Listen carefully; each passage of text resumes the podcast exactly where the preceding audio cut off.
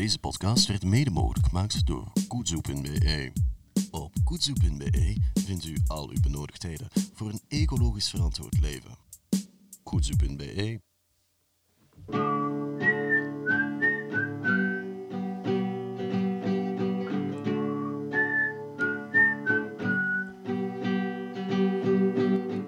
Welkom bij E-Kolle. Een podcast over zero waste. En ik ben Veerle Kolle. En ik ben Christophe Kolle en het is aflevering 24 en het gaat over kleding. Ja, over eh, ja, duurzame kleding. Hè. Maar het is ook de allerlaatste aflevering van dit eh, schooljaar of dit seizoen. We gaan er twee maanden uit daarna, ik wou het even zeggen. Eh, maar dat, wil, dat is eigenlijk geen slecht nieuws, want volgend eh, schooljaar of volgend seizoen zijn we er natuurlijk terug.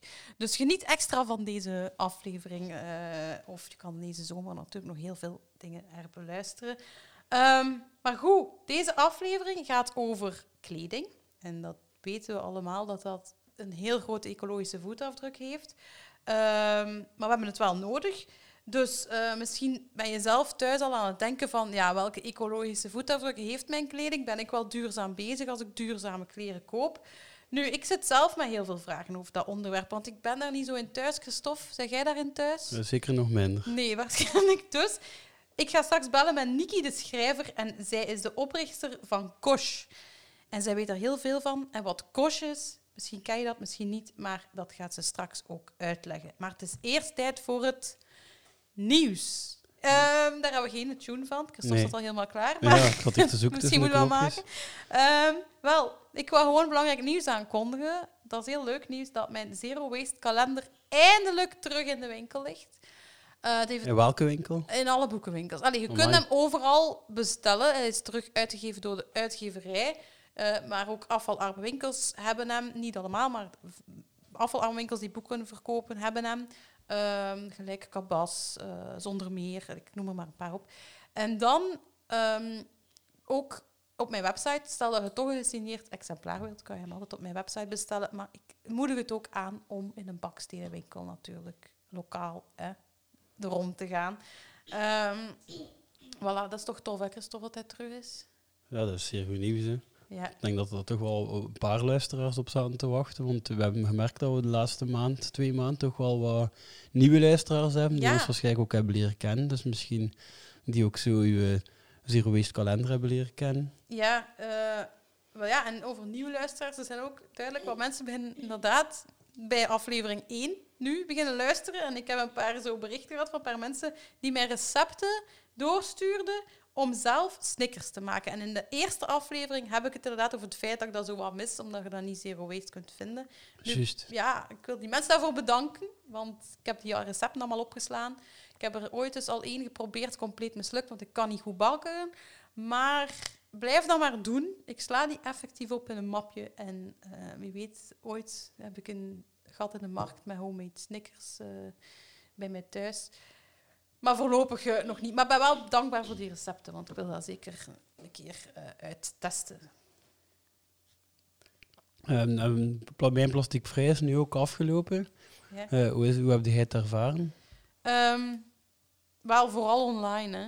En dat is heel spijtig eigenlijk ergens. Het was zeker nodig dat mij plasticvrij er was, want er is heel veel... Ja, geen acties in de winkels en zo, want er was actie genoeg. Hè. Allemaal speciale Ja, regels en zo, die je, pijltjes die je moest volgen en van die dingen. voilà. ja, en je ziet ook niet, doordat er zoveel was en ook zo weinig tegelijkertijd, want we zaten allemaal in ons kot, zag je eigenlijk niet, doen hier nu veel mensen aan mee. Online was er een hele community en ik zat daar middenin.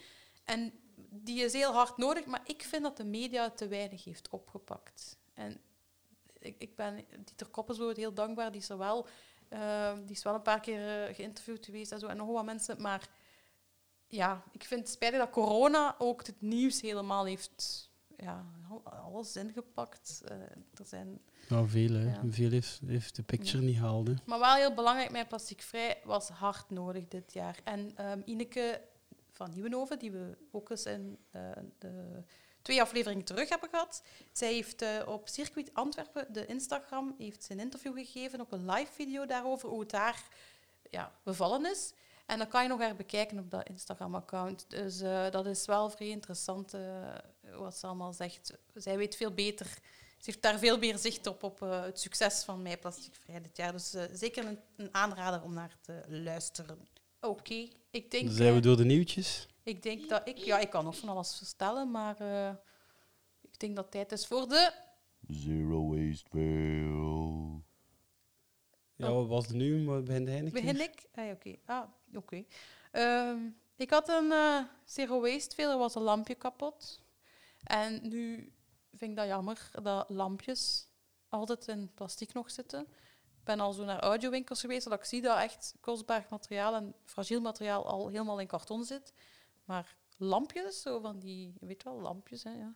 Eh, die zitten altijd in plastic. En ja, ook, het was ook gewoon veel te rap kapot. Dat mag niet zo rap kapot zijn. Dat was eigenlijk een beetje mijn veel. Ja.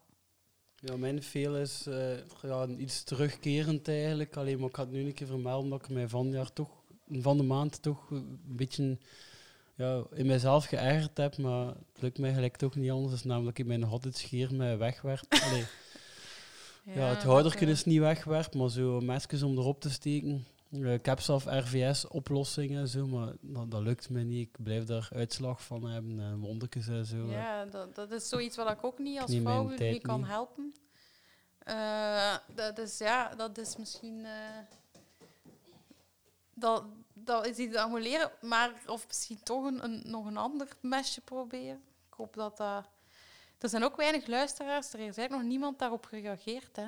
Dus eh, misschien moeten we wat meer mannelijke luisteraars eh, creëren die het wel weten. Of vrouwen die nu luisteren, die weten dat hun man eh, zich de ideale manier weet om hem te scheren. Ja. Oké, dan gaan we naar de... Zero waste win. Nu moet jij beginnen. Ah ja. Ja. Eh, ja, ik heb mijn honing deze maand gekocht bij een imker. Niet bij Bert, maar bij een andere imker. Ah, misschien iemand die Bert kende. Eh, ik weet niet of ze elkaar kennen, maar... Ja. Misschien dat, ik denk dat dat wel een community is. Bert is, hebben we in de vorige aflevering over de tuin geïnterviewd en die is ook imker. En is de honing lekker? Ja, ja, ja. Ja. Het is voorjaarshoning. Nu Ah, weet ik dat ook, dat je ja. twee verschillende Ja. honingen hebt. Voilà. Eh, ik heb ook een win. Eh, en dat is ook tof, want ik heb ehm, eindelijk een manier gevonden om plantaardige yoghurt zonder verpakking gewoon zelf te maken op vijf minuten tijd. En dat is ook door een filmpje dat ik op Instagram zag, op de Instagram van Het is Just. Ehm, en dat is eigenlijk gewoon met cashewnoten. Dus ochtends zet ik die even in water en na mijn werk kom ik thuis. En dan heb ik zin in yoghurt en ik doe daar... ehm, dus ik haal die uit dat water en die zijn dan zacht. En dan doe ik daar citroen bij en een zoetstof. Bij mij is dat agavesiroop. Eh, het is juist doet dat met iets anders, maar ik, had dat toen niet in huis de eerste keer dat ik dat deed. Dus ik blijf dat gewoon met agavesiroop doen. En eh, dus eh, een beetje vanille vloeistof. eh, en dan... Ik doe er nog een banaan bij. En dan mix ik dat. Een banaan, nu is het een banaan, omdat ik nu bananen uit Spanje kan vinden trouwens. Maar in tijd van de appels, wat nu niet meer is, ga ik er een appel bij doen. En zo probeer ik dat seizoensgericht te doen. Maar ehm, dat is dus een super lekkere yoghurt. Vergeet zeker die citroen zo niet, want dat is wel eh Ja, belangrijk. proberen. ja, echt doen. En op vijf minuten tijd, hè. Ja, je moet wel niet vergeten s ochtends je, je cashewnoten in water te zetten. Of als je dat zijt vergeten, kunt je ze nog koken. Dan moeten ze wel nog even laten afkoelen natuurlijk daarna. Eh, maar dat is super lekker. En eigenlijk, je mag het geen yoghurt noemen, want het is niet geen fermentatie. Het is gewoon mixen. Het is een beetje een smoothie. Als je zegt, ik wil toch een smoothie, doe er wat ijsblokjes en wat, nog wat meer water bij of zo. Maar dat is echt lekker. Ik wil dat gewoon aan iedereen duidelijk maken. Ehm, dat is echt lekker. En snel afvalarm, want die noten koop ik afvalarm en alles de rest ook, want dat is fruit. Dus eh, ja, echt. Ja, Oké, dan kunnen we overgaan naar het eh, thema. Hè. ja eh, thema dus duurzame kleding, hè, mode, eh, voilà. Eh, ik vroeg mij gewoon af, Christophe, weet jij bijvoorbeeld hoeveel kleren dat je in je kleerkast hebt? Dan kan ik je beginnen rekenen. Dus daar overvalde mij een beetje mee. Allee, ik wist vijf minuten geleden dat mij dat ging, die vraag stellen. Goh, ja, ik ben natuurlijk... Ja, we hebben nooit in aflevering 1, omdat mensen nu toch luisteren, schat dat ik de gemiddelde Vlaming zou moeten zijn. Ik voel mij dat nu niet. niet in kleerkast, Iemand die geen hemden draagt en zo. Nee. Alleen, eh, het is bijna altijd een broek, een broek, een hoodie en een t-shirt. zomer en winter. Eh, ja, dan ga ik een keer beginnen Hoeveel broeken, hoeveel hoodies en t-shirts denk je? Ja, god, Ja. het zal 30 t-shirts zijn. Dat is wel veel. Waarvan, ja, maar er zijn er, het zijn er redelijk veel bij. Daar is een helft van. Eh, Maar je hebt geen hemden, hè? Oude t-shirts Dus, waar dat ik mee slaap, maar die liggen wel allemaal samen. hebt zo, ja, ik heb drie categorieën daarin. Oh, Nee, eigenlijk vier. Dus de goede t-shirts en dan de heel goed, de echt nieuwe. Ehm, Voor op chique gelegenheden. ja, en dan de, de pyjama t-shirts en dan zo'n paar tussenin. Als ze allemaal op zijn. Eh, en dat ik dan zo net nog niet voor t-shirt, voor pyjama draag. Maar, dus ja, dus is dat. En dan klein tiental truien, alles bij elkaar. En een klein tiental broeken, kort en lang tezamen. En dan nog, ja, en dan nog werkkleren en sportkleren. Dat komt er ook nog bij Ja, natuurlijk. dat is zo. En de verschillende sporten nu, dat er gewoon één. Ja, wel. Voor Maar jij gaat wel veel gaan lopen. Ja. Dat is ook beter voorbeeld aan nemen, maar ja. Ja, ja, nu met de coronaperiode ga ik veel gaan lopen, omdat ik andere sporten er niet van komen. Nee. Eh, dus ja, dat telt ook nog mee waarschijnlijk. En dan natuurlijk de, de echte warme winterjas, winter dit en dat. Ja. Ja. Eh, wel, eh, leuk, één ding te vermelden, dat ik één blijkbaar heel duurzame trui heb, die al die ongeveer 20 jaar moet zijn. Er is echt niets aan. Heel bizar. Oké, ja. En is die echt een bewust stof. gekocht omdat die duurzaam was? Maar of is dat nee, ongeluk, ja, die eh, blijft gewoon meegaan. Die? Ah, dat daarom is die echt- duurzaam, die ja. al zo oud is. ja, het, het komen zo echt geen rafels aan die mouwen. En Het komen hier echt dat? geen... Eh, dat was echt een, een, een CNA. Amai, eh, trui. Ja, dus twintig jaar geleden. ik die zo een keer, nog een keer aangehad op het werk en dan viel daarop dat ik iets... Dat ik van, echt van dat dat van een mode van een heel andere periode was. Amai. Dus Dat dat is van de jaren... Nee, nee, eh, nee, 2000. begin eh, 2000 of eind ja. 90. Ja, ja, ja. Ja, daar ergens moet dat Maar dat is bijna geweest. weer in, hè? Ja, ja. Is dat niet terug? Ja. Ja, dat valt toch op dat dat, dat, niet retro, maar dat dat van toen echt is. En Ja, draaide die dan veel aan. of draaide die gewoon? Nee, eh, nee. Ah, misschien ligt dat daar aan dan. Maar toen wel, hè. Ah, ja, toen kan die lang wel gedragen en die komt af en toe nog een keer boven. Dus zo een trui van een soort van trainingsstof, gelijk zo iets vrie. Ja. Ah. Ja, ik vind... Maar 30 t-shirts vind ik wel, dat vind ik al redelijk veel. Maar ja, ik, ik, ik steun bands, hè. Ja, ja, dat is juist, ja. Ik heb wel... Er zijn veel band-t-shirts bij. dat is ook... Ja, eh, ik heb nu, ehm denk ik ongeveer een tiental t-shirts. Nee, tiental niet, gewoon een stuk of tien. En eh denk ik zes truien. Het is ook niet... Ik zeg ook niet... Ik weet het niet helemaal van buiten. Eh, maar ik probeer wel... Als er bij mij... Ja, als er bij mij iets, ehm, iets weggaat... Nee, er kan, er kan pas iets in als er bij mij iets weggaat. Dus ik ga pas iets kopen als er iets versleten is. Hè. Eh, dus ik zit wel aan mijn limiet, vind ik nu. Zo met, denk een vijftal kleedjes. Ik heb zo'n paar chique dingen, hè, dat ik toch drie outfits heb voor iets chic. Een keer iets met een broek, een keer toch een kleedje voor als het frisser is. Zo denk ik meer na. En eh, vroeger had ik wel meer band-t-shirts dan nu. Die zijn nu wat aan het verslijten. Want ik heb ook nog een paar band-t-shirts. En daar maak ik nu... allee, ik heb er al van ene zo een zak, een winkelzak gemaakt en zo. Eh, van Horse the Band, voor de mensen die het kennen. Dus dat is nu een winkelzakje. En ik ga dat denk ik met die andere ook doen. Omdat die t-shirts zo wat uitgerokken zijn. eh. Enfin, dat is een ik tip. overwegen om een paar eh, mondmaskers te laten maken. Nee, heb ik Nee, nagevraagd. Nee. Allee, misschien of moet dat dubbel-dubbel doen, want eh, dat, de stof van uw kleren zijn te rekbaar Ah, ja. en er komt te veel door. Ik heb dat effectief al, want ik dacht, ah, zo wijs, hè. Iets van Haste Day, zo, een mondmasker. Da- daar wou ik een, een mondmasker van maken, omdat dat zo goud en zwart was. Maar ehm, ja, dat gaat niet. Eh, maar ik probeer wel mijn best te ja, doen. de reden waarom ik dat eigenlijk nog niet gedaan heb, is omdat degene die ik heb, ik heb er redelijk wat van mijn schoonmoeder zelf gemaakt gekregen. Die zijn wit. En Ja. voor de aankomende zomer heb ik gehoord dat het echt gewoon best zit met witte. Echt? Oei. Want die anderen zijn al, ja, gelijk wat kleurtjes, zwart. Dat is, met die hitte gaat dat vrij omtand. Ja, ik heb er nog niet aan gedacht. Ja, ik, heb, ik probeer wel zo voor de mondmaskers een bij passend outfit. Allee, dus ja. Maar ja, in, in, in een aflevering over mode mogen we het daarover hebben. natuurlijk. Ja, voilà. Dus ik heb ook zo'n zwart met goud voor eh deftige outfit. En nu heb ik dino's aan. Eh, dus ja, ik vond dat wel passend. Ik heb, altijd, ik heb er regelmatig gewoon een aan mijn nek hangen, omdat ik kom nu van het werk en eh, daar is dat ook verplicht. Ehm, maar even terug naar de kleerkast. Ik probeer dat dus zo duurzaam mogelijk te houden door dus eigenlijk ooit eens opgeruimd te hebben. En dan heb ik geselecteerd wat ik wel en niet wil houden. En nu gaat er pas iets in als er iets uitgaat. En dan denk je veel meer na eh, over de duurzaamheid van je kleren. Gaat er ook voorzichtiger mee om. Dat is voor mij een truc geweest. En dat heeft mij geld bespaard, waardoor ik nu ook naar duurzamere merken kan kijken, want die zijn allemaal duurder. Eh, maar ik heb zelf qua duurzaamheid over kleding, ook qua stoffen, want like polyester, hè, dat, dat zorgt voor microplastics in de zee als je dat wast en zo. En alle synthetische stoffen, en bijvoorbeeld sportkledij is ook vaak, is bijna altijd synthetische stof. Dus ik zit... jeans is cartoon, toch? Hè? Jeans is Nee, denim, nee, het is juist, we hebben het al een keer over gehad. Maar...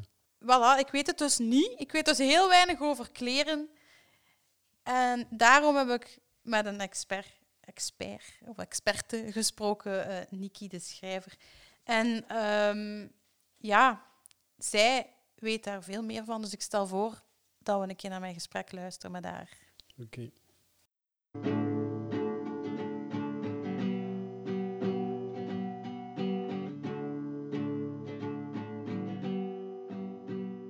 Onze kleding zo duurzaam mogelijk houden. Hoe doen we dat? Hoe weet je zeker dat je een duurzame investering gedaan hebt? Als iets duur is en lang meegaat, is het dan echt duurzamer? De voetafdruk van onze kledij is gigantisch, maar is er iets dat wij als burger daar kunnen aan doen? Veel mensen zitten met vragen en ik ook. Niki de schrijver dacht hier ook over na en besloot een label te maken, Kosh, om mensen te helpen bij het kiezen van hun kleding op basis van duurzaamheid. Dag Niki! Welkom in onze podcast. Eh, ja, Ja, dank u. Ik ben eh, super blij om uitgenodigd te zijn. Ik luister eh, al een tijdje en het is altijd heel boeiende onderwerpen met mensen dat ik niet ken. ja, en ook vandaag is het een boeiend onderwerp. Daarom heb ik jou uitgenodigd, want ik weet hier eigenlijk persoonlijk heel weinig van. Dus ik hoop dat jij ons meer kan vertellen. Maar vertel eerst eens iets over jezelf. Wie ben je en wat doe jij eigenlijk? Want niet alle luisteraars gaan jou misschien al kennen. Eh, ja, ik ben dus Nikki de Schrijver. Ik werk eigenlijk al 15 jaar in de mode. En voornamelijk eigenlijk in de productie en sustainability van mode en de supply chain ketens. En daarnaast heb ik ook een stuk eh, achtergrond in e-commerce en omnichannel. En eigenlijk in de laatste twee jaar zijn die twee luiken eh, dat ik heel hard op, op inzet al doorheen heel mijn carrière samengekomen in Kosh. Eh, gaan we de consument helpen om duurzamere keuzes te maken bij het winkelen. Ja, ehm, en Kosh, ik vroeg me eigenlijk af, die naam, staat dat voor Chakosh of zo? Ik weet niet, ik dacht, waar komt die naam vandaan? Eh Kosh komt eigenlijk letterlijk van, eh dus Kosh is C-O-S-H geschreven. Ja. En dat komt van conscious shopping. Dus Ah. eigenlijk bewust consumeren. Maar dan de, de Engelse samentrekking van die twee. Eh denk, en we vonden het ook heel leuk omdat je ermee kunt spelen. It's not kosh, posh, it's kosh. Ja, ja, ja. Ehm, het is kosher, het is Ah, ja, oké. Ja, ik dacht echt altijd aan Chakosh. Ik vond dat ook leuk gevonden. Maar eh, nee, het staat er eigenlijk... Ja, ja het staat eigenlijk voor... ehm, zeg het nog een keer. conscious shopping. Conscious dus, shopping. Ja. Dus eh, onze tagline is ook kosh, conscious shopping made easy. Consumeren makkelijk gemaakt. Maar we hebben het nu over de naam gehad. Maar kan je wat meer vertellen over Kosh zelf? Dus eigenlijk, ja, de kledingindustrie is een van de meest vervuilende industrieën eh, ter wereld. En als we zelf gaan gaan shoppen, we, iedereen draagt kleding, het is een deel van onze identiteit. Maar als we zelf gaan gaan shoppen, hebben we geen enkel idee over de ecologische of de ethische impact van onze shoppingkeuzes. Dat is waar. Nochtans zijn er heel veel merken en bedrijven die het wel goed doen. Langs de andere kant zijn er dan weer grote, grote bedrijven en kleinere bedrijven die gewoon met termen zitten aan het jongleren zijn. En de, de consument ziet eigenlijk bos door de bomen niet meer. Mhm. En, en weet eigenlijk niet met verschil van wat is nu greenwashing en wat is nu echt, wat klopt er nu. Ehm, en wij gaan eigenlijk de consument gaan helpen om bos door de bomen te zien en wij gaan duurzaam shoppen makkelijk maken. En Ja. hoe werkt dat dan? Ja. Ehm, dus eigenlijk als je naar kosh.nl surft, Hey, dat kan zowel mobiel als op, ehm, op, ja, op, op desktop of op laptop of op iPad. Dus Mhm. je surft naar kosh.eco en dan ga je rechtsbovenaan eh kies je de shoppinggids. Op dat punt kan je ja, kiezen voor wie dat je aan het shoppen bent. Ben je een man, een vrouw? ehm, of ben je voor de kinderen aan het shoppen? Maar daar kan je eigenlijk ook eh, filters instellen. Maar zal ik het anders even demonstreren? Ja, ja, doe maar, doe maar. Dan kunnen we meekijken op de site. Ehm, Ehm, dus je kan... eh, ik ben eventjes aan het dus voor de mensen die via YouTube kijken, die gaan nu eh, de website kunnen meevolgen met Niki.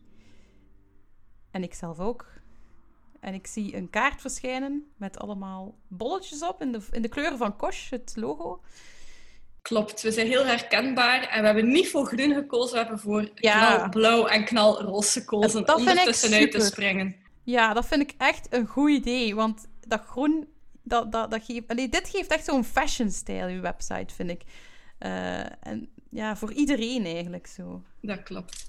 Dus eigenlijk ga je normaal gezien rechtsbovenaan klik je op de shopping hits en dan zie je eh, een aantal filters en kan je eigenlijk gaan starten. Je kan zonder de filters werken of met de filters volledig, volledig volgens wat je zelf wil.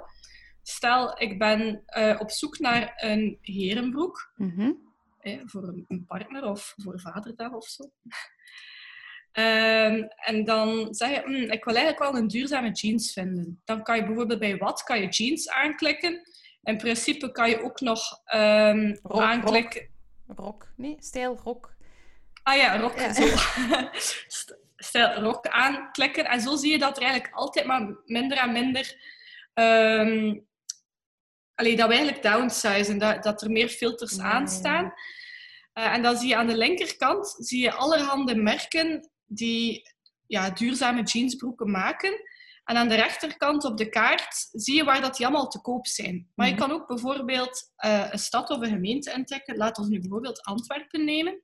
Mhm. Als je Antwerpen intikt, ga je eigenlijk op onze kaart meteen zien dat er in heel Antwerpen zes verkooppunten zijn van duurzame jeansbroeken. Oh my. Dat is al En Alleen voor is- duurzame jeansbroeken is dat dan, hè? enkel voor de, enkel voor de jeansbroeken, ja, ja. Voor, heer, voor heren. Hè. Ehm, en dan kan je eigenlijk op dit punt ehm, kan je gaan kiezen. Allee, op, je, op de kaart staan icoontjes en op die icoontjes kan je klikken. Op het moment kan je kiezen van oké, ofwel ga ik rechtstreeks door naar de webshop van die, van die winkel. Hè. Dat is een, Ja. een, hebben we nu sinds de coronaperiode hebben we dat erbij geïmplementeerd, omdat we eigenlijk normaal gezien geen voorstander zijn van online shopping. Je kan ook klikken naar meer duurzaamheid over de winkel. Of je kan de, de winkel gaan toevoegen aan een shoppingroute. Ah ja, dat is handig. Dus eigenlijk eh, heb je een knop voeg toe aan shoppinglijst. Ik ga dit nu even voor een aantal van deze winkels doen. Mhm. Voilà, ik heb er nu eh, drie geselecteerd. Dus nu zijn we voor meisjes aan het shoppen. En dan zie je dat er eigenlijk ehm, weer andere winkels tevoorschijn komen.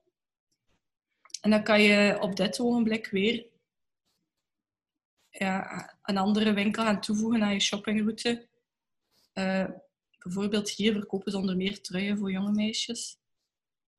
Ehm, die hadden we al toegevoegd. En hier heb je nog een kinderwinkel.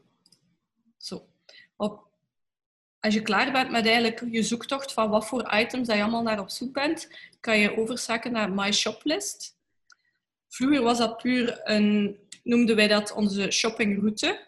Ja. Ehm, maar nu in de coronaperiode hebben we het eigenlijk shoplist genoemd, omdat je dan eigenlijk alle webshops kan gaan verzamelen waar dat je wil gaan shoppen. En zo ga je eigenlijk veel gerichter gaan shoppen en niet zomaar in het wilde weg. Ehm, en als je in een stad gaat shoppen, kan je zeggen van kijk, ik wil daar starten, ik wil daar eindigen. Wij berekenen een route voor jou. Je kan ook zeggen, kijk, ik ben op zoek. Ga, ik, ik ben van plan om op donderdag te gaan. Klik je Ja. donderdag aan, dan zie je ook meteen de openingsuren van die Amai. verschillende winkels op donderdag. Eh, en op dit punt kan je nog altijd doorklikken, eventueel naar de webshop. Als je ingelogd bent bij Kosh, kan je eigenlijk dezelfde gegevens ook standaards terug oproepen op je gsm. Dus als je nu voorbereidt thuis eh, om een shoppingroute te gaan maken, kan je gewoon standaards op je gsm inloggen met dezelfde gegevens. De shoppingroute oproepen en ga wandelen. Met, en doorst, alle gegevens doorsturen naar Google Maps. Maar dus eigenlijk is dat een manier om in één dag alleen maar duurzaam te winkelen. Want je Dat weet wat wil. Ja. Ja, en iemand die duurzaam wil, winkelt, ik, ik ben dan toch zo... Ik ga gaan winkelen als ik iets nodig heb. Dus het is ook op die manier winkel je. Want je gaat eerst kijken, wat heb ik nodig? Dus dat je geen dingen koopt die je niet nodig, die je niet nodig hebt. En je gaat daar naar op zoek in duurzame winkels. Dat is, dat is eigenlijk ideaal, denk ik zo. Ja, Ehm, inderdaad. Ehm, Oké. Dus ik heb ook die website al eens bekeken. Ik heb namelijk ook al een keer zo'n route gemaakt. En eh, ik kom nogal veel uit bij Supergoeds, de winkel. Dat is een van mijn favorieten. Ik wou dat toch even zeggen. Ehm, maar op de website staat ook een manifest. En daarin staat dat jullie ook winkels begeleiden met een duurzamer kledingsaanbod. Dus jullie helpen ook winkels om dat nog te verduurzamen. Hoe, hoe doe je dat precies? Eh Supergoes die je aanhaalde dat juist, is zeker en vast de voorloper. Hè. Dus zij zijn ehm, Staat al even. 100%, 100% duurzaam. Maar op het Kosh-platform zijn er ook een aantal winkels die de transitie aan het maken zijn. Dus vaak stappen retailers, ja, die zijn 10 jaar, 20 jaar geleden met een winkel begonnen. Ehm, en dan plots komt duurzaamheid erbij. En het kan goed zijn dat ze daar vooraf niet van af wisten, maar dat ze nu wel heel hard geloven dat we naar een duurzame toekomst moeten gaan. Maar een, een, winkel, eh, ja, een winkelier heeft vaste kosten. Die moet de huur betalen, die moet het personeel blijven doorbetalen. En heel radicaal van dag 1 op dag 2 overschakelen naar een volledig ander productgamma. Of die volledige overschakeling zou de bestaande klanten kunnen afschrikken. Ah ja. Ehm, waardoor dat ze zeggen van oké, we starten met 1, 2, 3 merken. Ze gaan naar 30% en op dat moment kunnen ze eigenlijk intekenen in Kosh. En wat dat wij dan gaan doen, is wij proberen ehm, nieuwe klanten ook ja, hun winkel te leren kennen, zodat ze eigenlijk van hun bestaande klanten gaan er misschien ook een deel wegvallen. En daar moeten nieuwe klanten tegenover staan.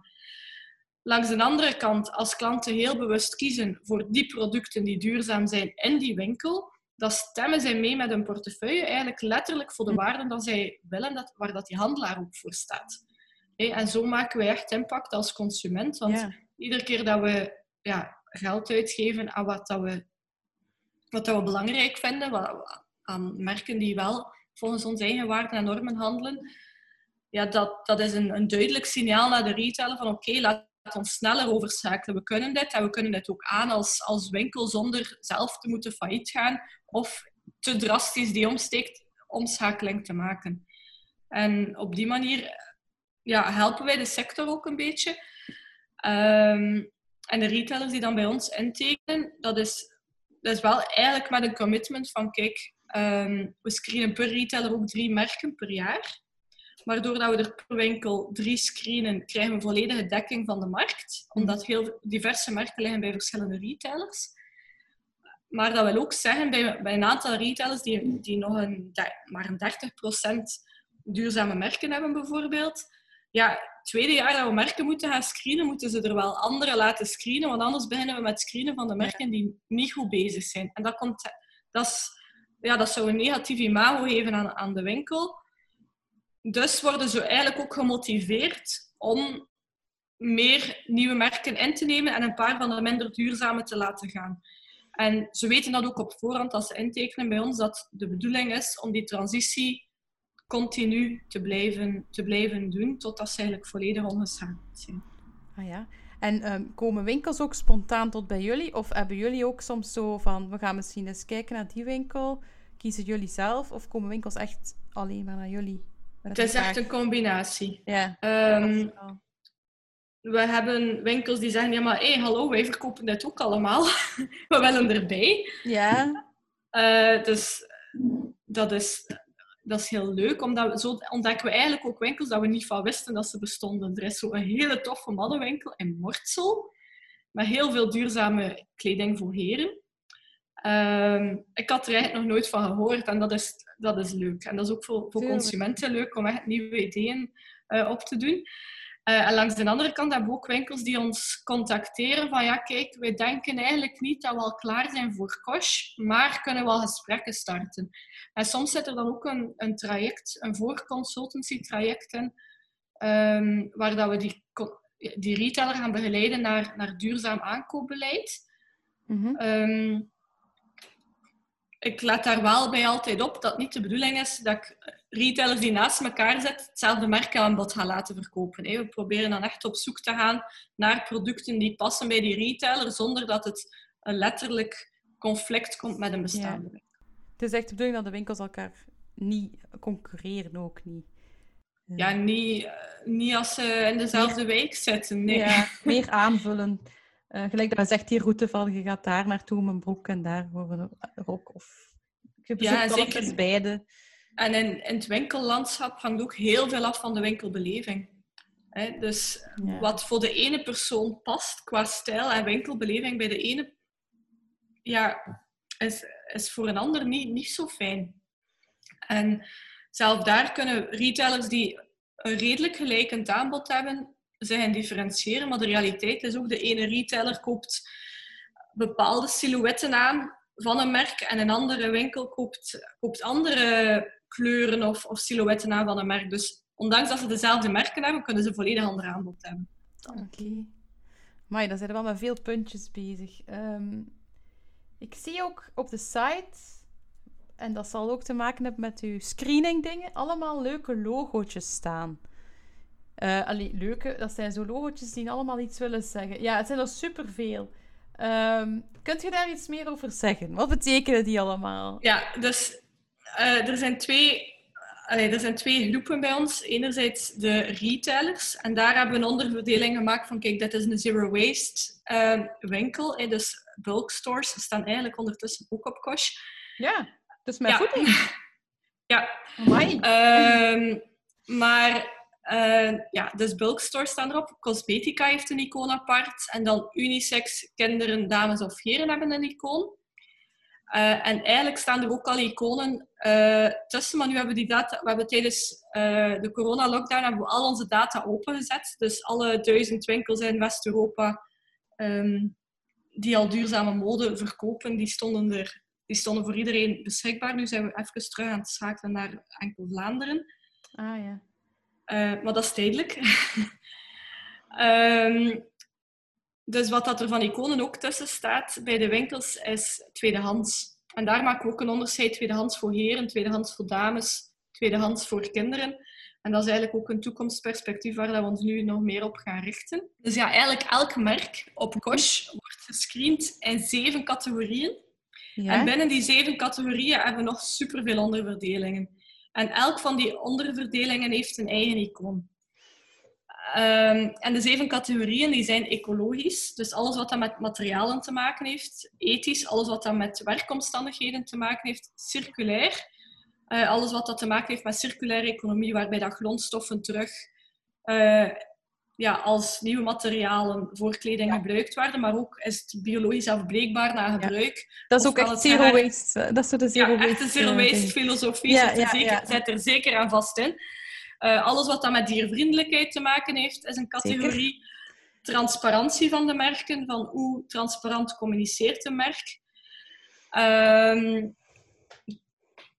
en dan uh, ook of dat een slow fashion business model is. Ah, ja. Want ook zeker in de zero waste filosofie, er zijn heel veel merken die maken ja, seizoensgebonden mode, die beschouwen hun eigen collecties na een half jaar als klaar om te solderen dat is niet echt de zero waste filosofie.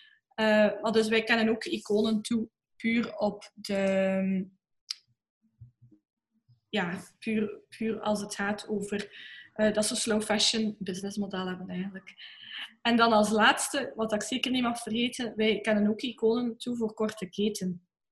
Ah, dus hoe, hoe lokaal, lokaal. het product ja. gemaakt. Want je kunt een biologisch katoenen t-shirt hebben die um, in Bangladesh gemaakt is, bij manier van spreken.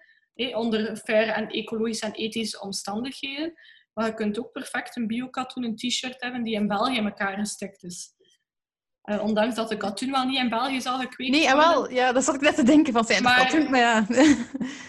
um, wij proberen daar wel een onderscheid in te maken van in totaliteit hoe kort is die keten. En zo, zeker echt circulaire designers ga je zien dat die heel hard ook uh, scoren op korte keten bij ons, omdat die met lokale afvalstromen aan de slag gaan. Uh, die lokaal vaak in, in, Belgische fabrieken verwerken, dus vaak ook sociale economie, en die dan ook weer lokaal gaan verkopen. Dus dat is super korte keten. Uh, maar het is niet evident om korte keten te doen op fashion. Nee, want ik denk ook like zo, wat ik zag bijvoorbeeld in Bangladesh, dat zijn gigantische fabrieken. Als er in België kleding gemaakt wordt, dan, ja, dan is dat waarschijnlijk al ethischer, want mensenrechten en zo.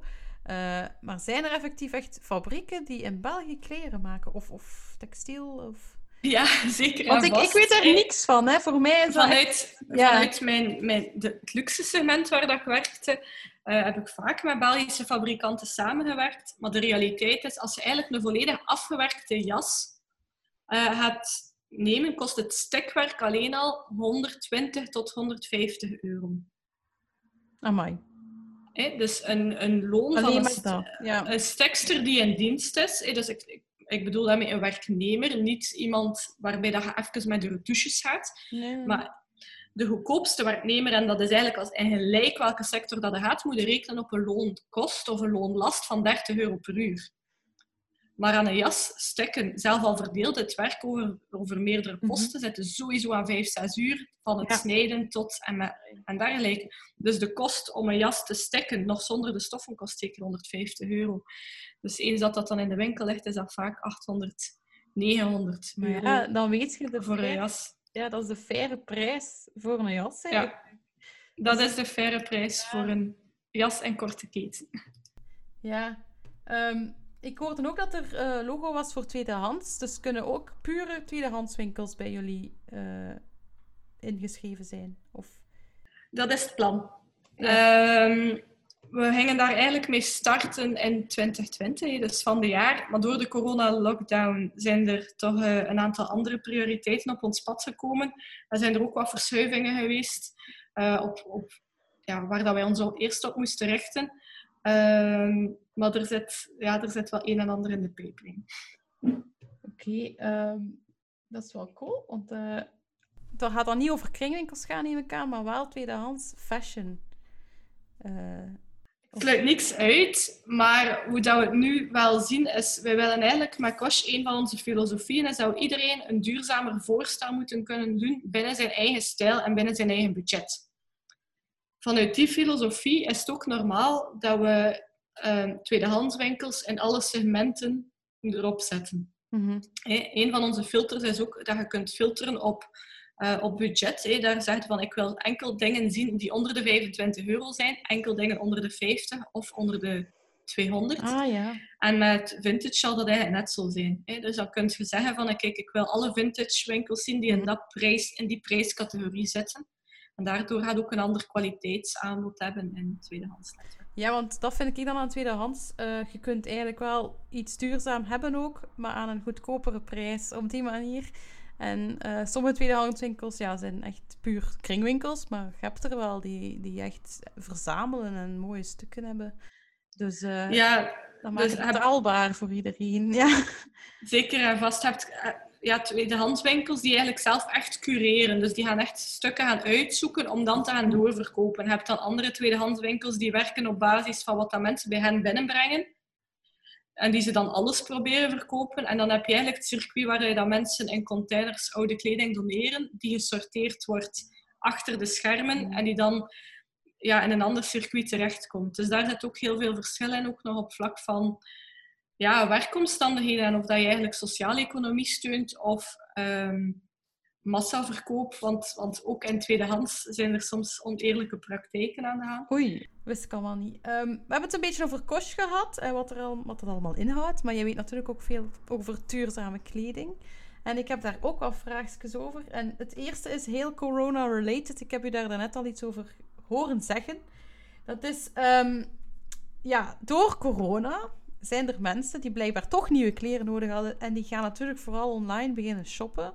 Ehm, kunt je eigenlijk ook online op een duurzame manier shoppen? Of hoe, wat zou jij aanraden? Stel dat, je, dat we nog een keer in lockdown zouden gaan.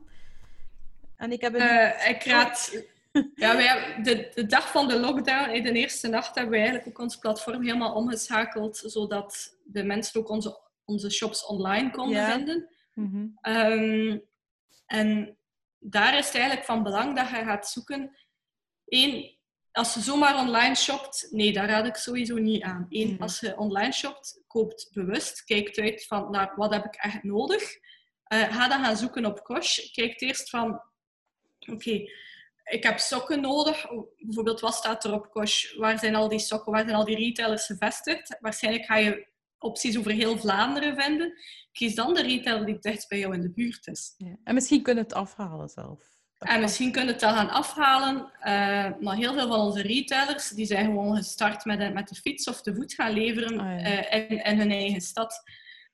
En dan, dat is zeker een, manier van duurzaam shoppen. Ja, en is- bovendien hebben, ze, hebben ja, veel van onze retailers ook extra service geleverd, waarbij dat ze gewoon hele paspakketten gaan afzetten zijn bij mensen Oh. Ehm, je kon een foto doorsturen van kijk, dat ben ik, kijk, dat zijn mijn maten.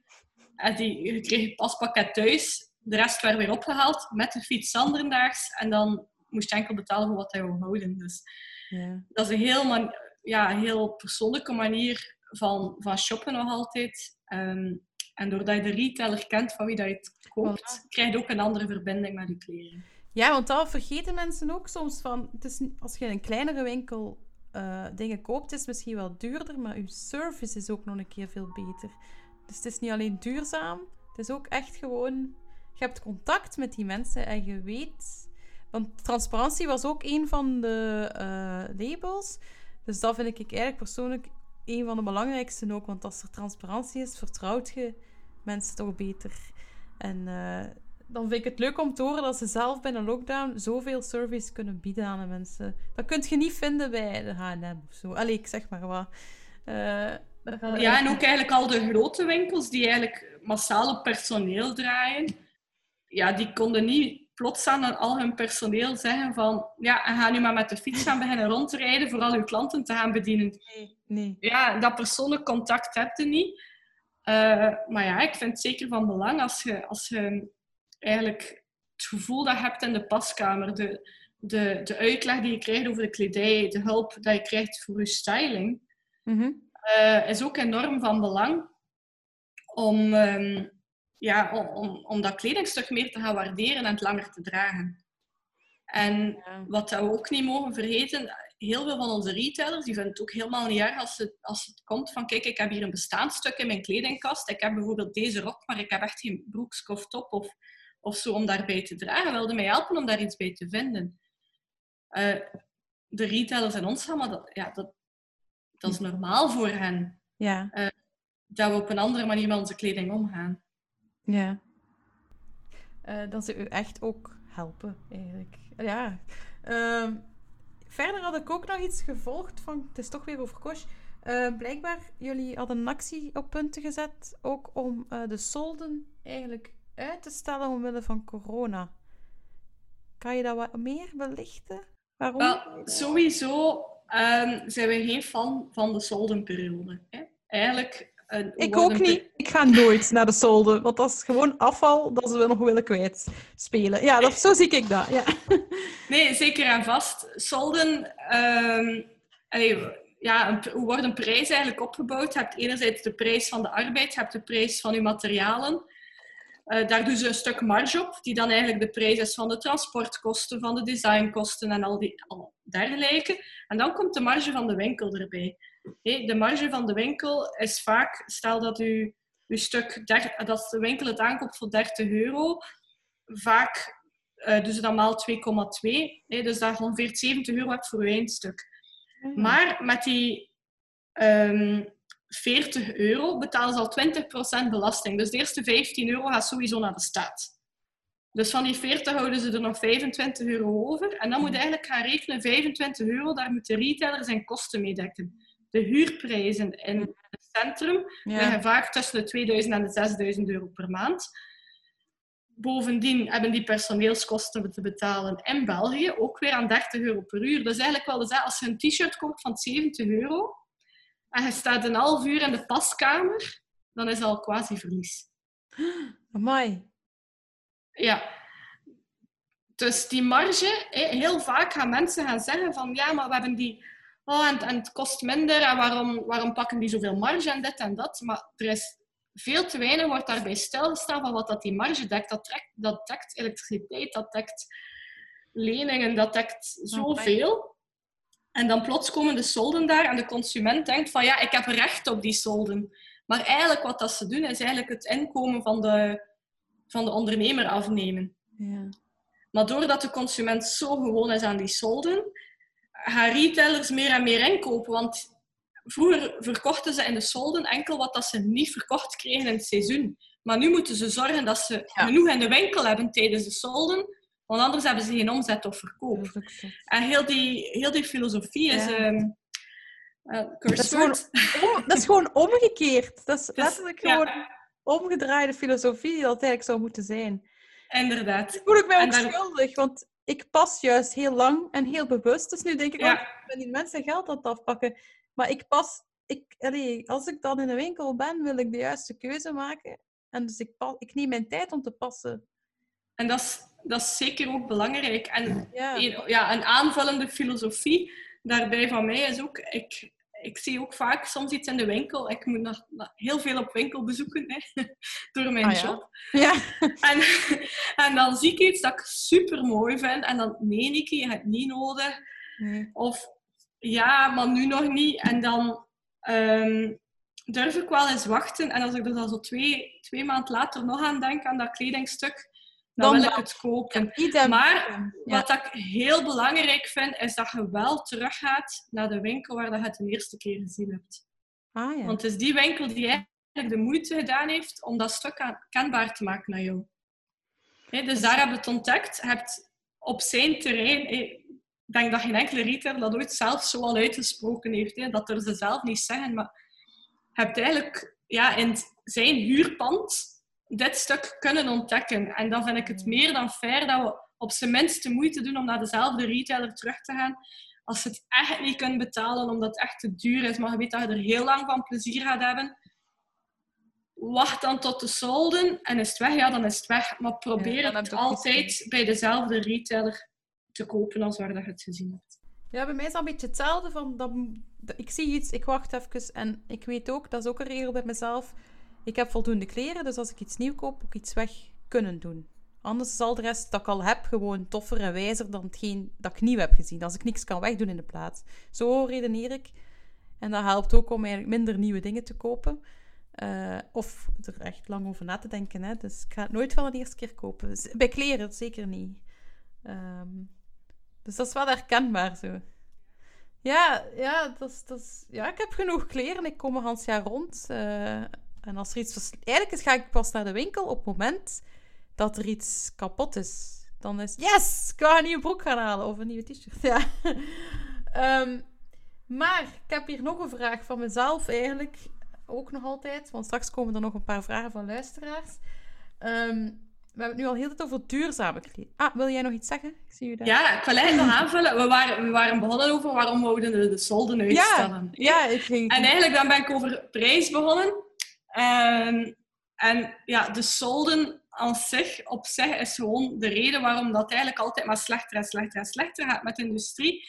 Er komen altijd maar meer kortingen aan. De consument verwacht die korting. Omdat hij niet meer koopt zonder korting, komen er dan nog mid-season kortingen tussen. Ja, dat is nog erger. En heel die, ja, heel die kostenstructuur is gewoon helemaal, maakt gewoon heel de markt kapot. En doordat er zoveel druk op die prijzen komt, moeten retailers goedkoper gaan inkopen, die dan weer drukken op de merken, die dan minder geld hebben om, om de fabrikanten te gaan betalen.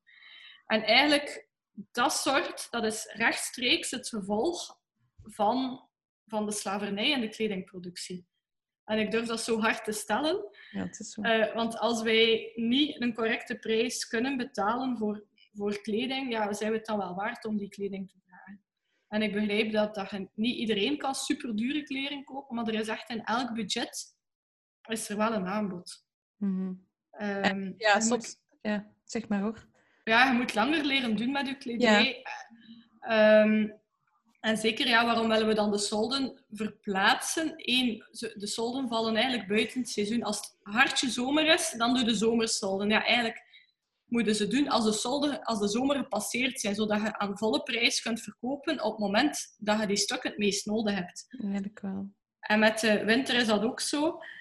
En dat is een gegeven dat sowieso nodig is. En door corona hebben we nu ja, de kans gezien om toch eventjes te kunnen voldoende mensen achter die filosofie scharen. En wij hebben daar wat, wat bewustwording aan de consumentenkant rond gedaan. Maar we hebben ook samengewerkt met um, middenveldorganisatie uh, Modeunie en Crea Mode. En zij hebben het lobbywerk gedaan. Dus ik vind het wel belangrijk dat... Ik, ik heb zelf niet gelobbyd ermee voor, maar de, de filosofie en hoe gaan we dat, dat benaderen. En hoe is dat in die actie van de solde uitstellen? In hoeverre is dat geslaagd? Um, door corona mochten ze tijdelijke maatregelen treffen. Dus um, de soldeperiode van juli wordt nu verschoven naar augustus. En die van januari naar februari. Van alle? Ja, maar er zijn er natuurlijk weer al die creatief Ja, ja, ja, zo twee stuks aan de prijs van één. Ja. ja. Um, maar technisch gezien, volgens de wetgeving in België, uh, is het nu verplaatst, zeker voor twee seizoenen. En dan hopen we dat er genoeg draagvlak komt bij heel de sector om eigenlijk...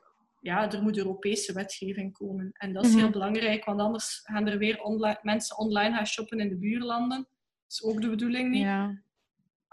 Um, dus belang, het is heel belangrijk dat, dat er een verschuiving komt, zeker over heel Europa, liefst wereldwijd. Maar ook, we zien ook in de luxe mode-industrie dat toch de, de grootste namen, Gucci, Dries van Noten, uh, aan het, hun, hun, model aan het herwerken zijn. Flippa K bijvoorbeeld, een, een, heel duurzaam merk, heeft ook beslist van kijk, we gaan nu geen goede verkoop hebben, we verplaatsen gewoon heel ons seizoen. Alles wat nu zomer is, is dezelfde zomercollectie voor volgend jaar. Oh. Ja, dus dat is een vrij bold statement, maar laat ons dat steunen. Ja. Hey, en hoe steunen we? Door te spenderen. Ja, ja. Bij die merken als we het nodig hebben. Ja, dat is waar. Als consument is dat eigenlijk het krachtigste wat we kunnen doen. Ja. Uh, amai. Ik krijg hier wel veel te horen dat ik nog niet wist. Uh, dus uh, als aanvulling op ja, wat je misschien ook nog niet wist, is dat ook heel veel merken uh, made for outlet of made for solden gaan produceren. Je bijvoorbeeld... Dat wist ik wel al, ja. ja hebt uh, inderdaad ja, retailketens die ja, zwarte basics uh, in een goede kwaliteit verkopen tijdens de topmaden. En in de soldenperiode verkopen ze er van slechtere kwaliteit. Zo erg. Zo gezegd aan een lagere prijs. Want dat denk ik ook van bijvoorbeeld door duurzaam kopen is sowieso eigenlijk minder koop, maar dan sterkere dingen hè, ook.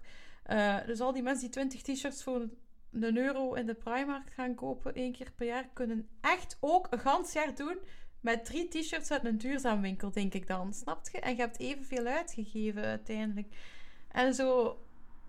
Dat zit zo'n probleem in de mensen, of in, veel mensen denken, het is goedkoop, kan er veel kopen. Zo daarvan, het is goedkoop, dus ik koop er direct meer. Dan maakt u toch echt niet gelukkiger ook. En uw kleren gaan dan toch rapper kapot dan, die, dan dat je er drie iets duurdere zou kopen ergens in een duurzamer merk. Dus uh, ik heb dat wel gemerkt sinds dat ik daar echt op ben beginnen letten, dat mijn kleren gewoon echt langer meegaan. En dat ik eigenlijk minder uitgeef. Als je er meer geld voor betaalt, ga je er ook duurzamer mee om. Je gaat meer voilà. opletten dat je geen vlekken maakt. Ja, je gaat hoe dat het wast. Ja, hoe dat het wast. Je gaat niet beginnen schilderen met je nieuwe kerstverse t-shirt aan, als je weet dat hij iets meer gekost heeft. Nee, maar ja, omdat mensen altijd zeggen, het is te duur. Maar ja, koop het gewoon wat minder maar wel duurzamer. En je geeft echt minder. Allee, ik merk dat toch dat ik minder uitgeef aan kleren dan. En ik heb minder kleren ook natuurlijk, maar ze doen langer, ja, ze gaan langer mee. Ja, dat is een, een, sociaal thema ook. Denk dat, ja, daar kunnen we veel over zeggen. En ik denk zeker niet dat we een bepaalde doelgroep moeten stigmatiseren. Maar Nee, er is nee, wel nee, een, grote, een groot deel van de bevolking die het kan. Ja, wel, dat bedoel ik. En als je geen iedereen, excuus ja. hebt... eh, Ik denk dat de gemiddelde Belg het kan. Dat denk ik altijd zo. De gewone gemiddelde Belg. Die zou toch... Ja, de keer... Als die allemaal al zeggen van... We gaan nu alleen maar winkels van Kosh kiezen. Dat zou enorm Dat zou mooi zijn. Ja. Eh, ja, wij hebben de berekeningen gemaakt van... Stel dat we ja, 1% van de Belgische bevolking bereiken op jaar 1. Stel, wat als we na vijf jaar 15% Ja. van de Belgische bevolking doen. En hoe resulteert dat dan in faire en eerlijk, eerlijke jobs eh, in het Verre Oosten en terug lokale jobs? Eh, dat hebben wij allemaal berekend, maar eh, ja, dat is niet vertellen. Maar jullie bestaan Maar we sinds zijn daar wel mee bezig. Ja, want- September, september 2019, dus nu negen maanden. ja, dus over, pas als je een jaar ver bent, kun je eigenlijk deftig terugblikken van... eh, Ik weet nu, wij zitten nu aan ongeveer 85.000 gebruikers. amai. op negen maanden tijd. Ja, dat is heel fijn. Ja, dat, is, dat is leuk. Maar omdat wij wel eh, heel bewust gekozen hebben om mensen te gaan begeleiden naar fysieke winkels, kunnen wij niet een rechtstreeks impact meten. Ah, ja, ja, ja. ja dus wij, meet, wij kunnen meten hoeveel keer dat een winkel aan een shoppingroute toegevoegd werd. eh, of hoeveel keer dat een pagina grondig gelezen werd.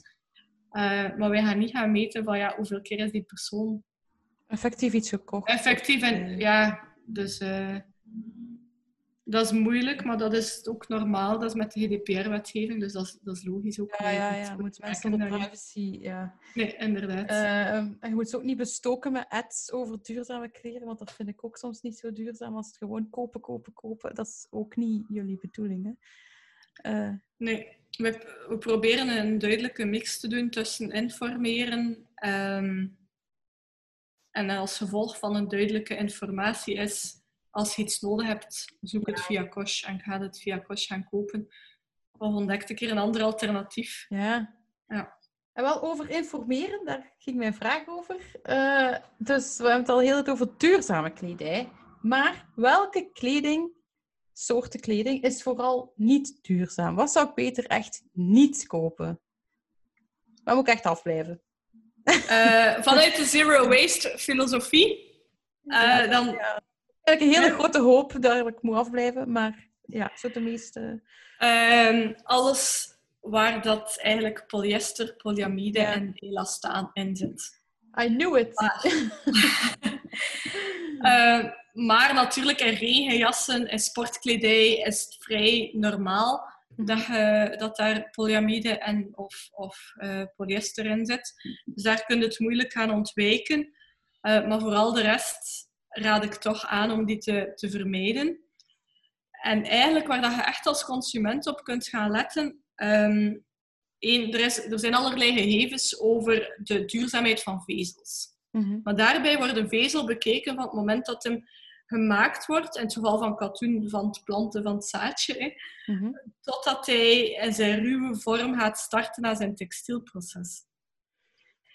En daar, op basis daarvan gaan nu heel veel mensen ja, advies gaan geven over wat is duurzaam en wat is niet duurzaam. Maar wat dat ze eigenlijk ver- vergeten of niet meegenomen hebben in die life cycle analyses. Ja, Dus ik ken die analyses- analyse heel goed. Ja. die analyses van, eh, van de volledige levenscyclus van een product.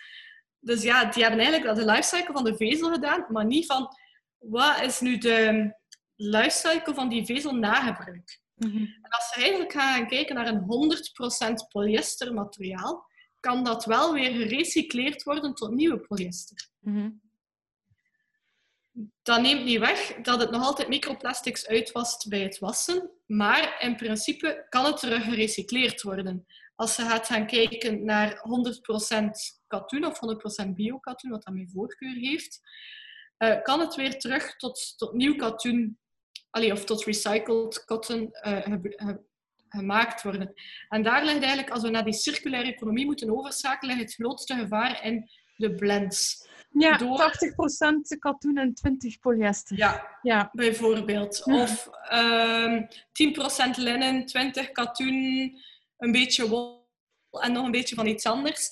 Ja, dat, die worden eigenlijk moeilijk om na gebruik te gaan recycleren. Dus als, als het echt kledingstuk versleten is, kunnen ze, is het moeilijker om te gaan recycleren. Ze kunnen dat wel doen, maar dat is weer een chemisch proces, waar dat dan eh, een van de componenten ehm, ja, eigenlijk compleet ehm, ja, opgelost wordt en het andere component wordt behouden. Maar je hebt altijd een stuk verlies.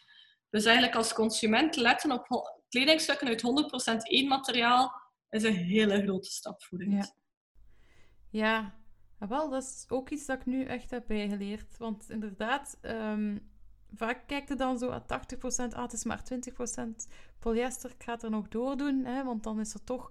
Oké, bij het wassen komen er microvezels, maar misschien wel wat minder dan bijna 100% polyester. Maar als ik het nu goed begrijp, is het toch beter om dan voor 100% polyester te gaan. Om dan als dat kledingstuk niet meer gebruikt wordt, toch nog te kunnen recycleren. Dat is de toekomst waar dat we naartoe gaan. Dat is de toekomst, ja. Want dus de productie van polyester zelf is niet zo, daar heb ik ook al wat over gelezen, is eigenlijk niet zo groot. Of gebeurt snel. Dus de productie, Uh, puur het maken van polyester. Ja, puur het maken van polyester. eh, Ik zou mij ook nog een keer bijlezen. Maar Ja. ja. het heeft minder, minder waterverbruik dan katoen. Ja. Maar ik ga dus eigenlijk uit... Ik ga uit principe nooit polyester gaan Nee. promoten. Als het geen sportkledij is of als het geen, ehm, geen sportkledij of geen regenjassen zijn. Mhm. Blijf er gewoon af. Je Ja. kunt genoeg kleedjes vinden in linnen. Je kunt er vinden in 100% katoen, 100% tencel of 100% viscose. Probeer dat daarbij te houden. En dan, dan staat al heel ver. Je badpak gaat je niet vinden in katoen ook niet. Ehm, maar ja, Ja.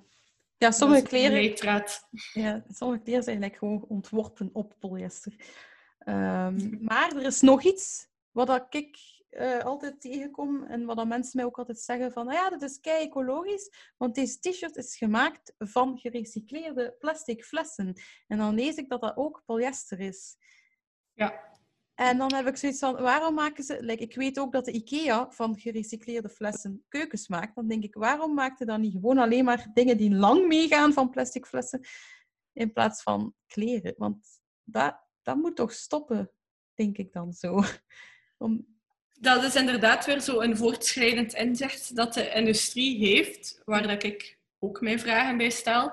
Dus ehm, recycled polyester, eh, je moet ook weten, de grootste producties eh, daarvan zitten in China. Dus dat zijn al PMD-flessen vandaar. Hè, PMD uit China, petflessen, sorry, ik moet opletten wat ik zeg. Petflessen in China. Zonder dat maar geen je- kennen, ja. dat wel anders noemen, denk ik zo. Ja. Ja, nee, dus pet daar worden gerecycleerd tot polyester. Ehm, maar dat wil ook zeggen, dat is geen lokaal proces. Dat, zijn niet, dat is niet uw petfles dat hij hier wegsmijt, die daar terechtkomt, want China weert ons afval ondertussen. Dus Ja, ja.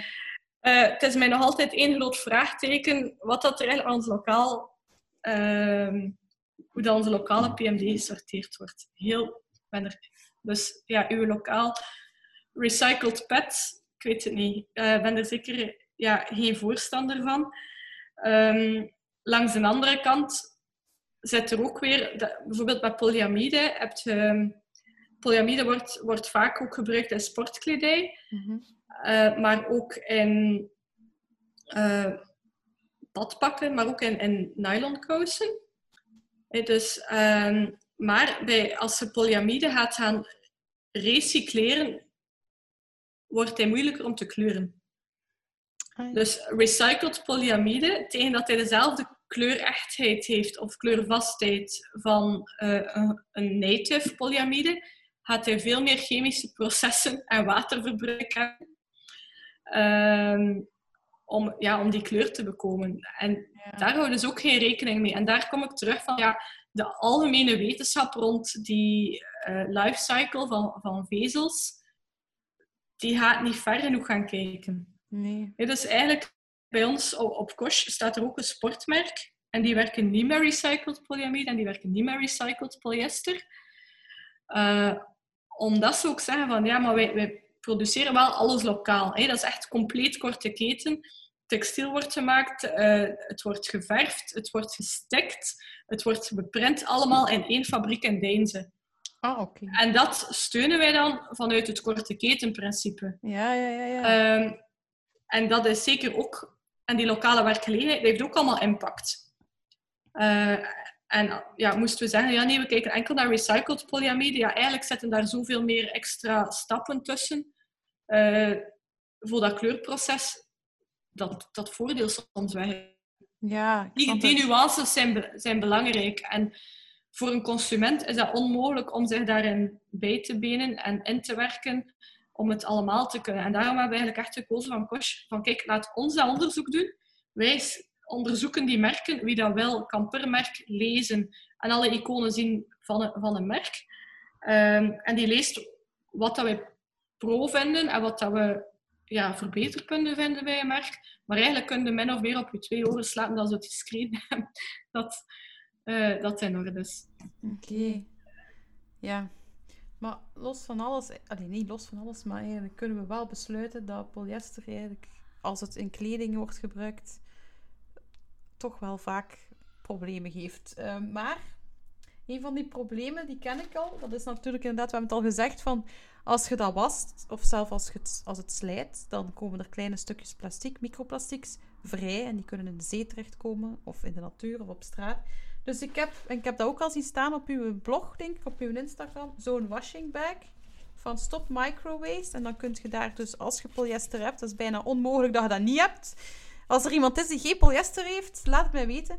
Ehm, dus dan kun je daar kleine, like hondenboekjes of zo, in wassen. Maar dat is, ik, ik heb een, goeie, ik heb een vraag voor u. Uh, dat is een ene die ik toon op mijn uh, lezingen, of uh, die ik meeneem. Oh, dat is een nieuwe, ik heb die nog niet gebruikt. Maar ik heb eentje die ongeveer twee jaar oud is. En die ziet er zo uit. Oei, voilà. Nu, ik gebruik, die, ik gebruik die nog, maar ik vroeg mij af, is dat normaal dat dat er zo uitziet nu? Dat dat kleurt? Ja. Ja, eigenlijk alles... Verkeerd gedaan. of, um, ja, dat, dat heet wasechtheid. Hè. Daar worden normaal gezien... Ja. Um, grote merken doen eigenlijk testen op hoeveel dat kleur afgaat op een ander materiaal. Ah, ja. En als je afhankelijk van de kwaliteit van de polyester of de polyamide, want die zakken van, van die Guppy Friends zijn uit polyamide gemaakt, afhankelijk van de kwaliteit van de polyamide dat je wast, gaat die inderdaad kleur afgeven aan uw zak. Maar hij is nog bruikbaar, mijn zak? Of... Ja, oké. En dan nog een vraag daarover, want dat is eigenlijk wel ook raar. Die zak zelf is ook van polyester. En daar zegt de fabrikant dat de manier uh, waarop dat hij gemaakt is, ja, dat, dat, um, dat, het dat de microplastics niet, ja. Ja, niet kunnen vrijgeven. Maar eigenlijk een polyamide en een polyester wordt, wordt geëxtrudeerd. Dus dat is eigenlijk uh, een massa, een soort een vloeibare plastic, en dat wordt eigenlijk in fijnharen uitgespoten. En afhankelijk van het soort textiel dat je wil maken, wordt dat verkapt die kleine stukjes, en dan gesponnen zoals dat een katoenvezel zou zijn. En dat is niet. En ik vermoed dat bij de Guppy Friends dat dat gewoon in zijn vaste vorm gaat geëxtrudeerd zijn. En hoe minder keer dat verkapt is, hoe minder kans op ontsnappingen. En... Ja, want het voelt, het, de stof voelt niet aan alsof dat je dat gaat dragen. Dat voelt echt mat aan, bijna. Ja. Een zeef of zo. Heel, heel raar. Maar... Dus, uh, ik, Volgens mij ligt het daaraan dat het heel fijn geëxtrudeerd is en dat de haartjes ertussen zeer klein zijn. Ik heb die zak ook gekocht en ik weet ook dat dat niet de oplossing is, maar um, het is wel iets. Um, ja. Het is, er is een West-Vlaams bedrijf die eigenlijk een filter ontwikkeld heeft voor, om op wasmachines te plaatsen. Ja. ja. Er is ook iemand die in de Eco Design Award gewonnen heeft, ook voor een filter voor op wasmachines te zetten. En daar horen we nu al twee jaar niks van. Nee, ik, ik ben ook aan het wachten. En ik heb... Um, ik dacht, nu gaat ze het zeggen. Ze gaat het zeggen. Nee, uh, wel, ik heb eigenlijk... Ja, met dat, allee, die vraag kwam ook op Facebook voor, voor deze podcast. Dus ik, ben, ik heb het nog vlug eens um, op LinkedIn gevraagd aan de mensen van de Eco Design Award. Van ja, hoe zit het daar nu mee? Wat zijn, de, wat zijn de evoluties? Maar ik heb nog geen antwoord gehad. Dus, uh, maar ik, had, ik, heb zo ook maar acht uur tijd heen om te antwoorden. Dus, ja, maar als, je, um, als ze antwoorden, laat het ons weten. Hè? Dan, uh, ja, zeker en vast. Gaan we dat zeker delen. Uh, jij had ook nog iets gezegd dat je graag iets zou zeggen over bepaalde... We zitten weer in corona-thema.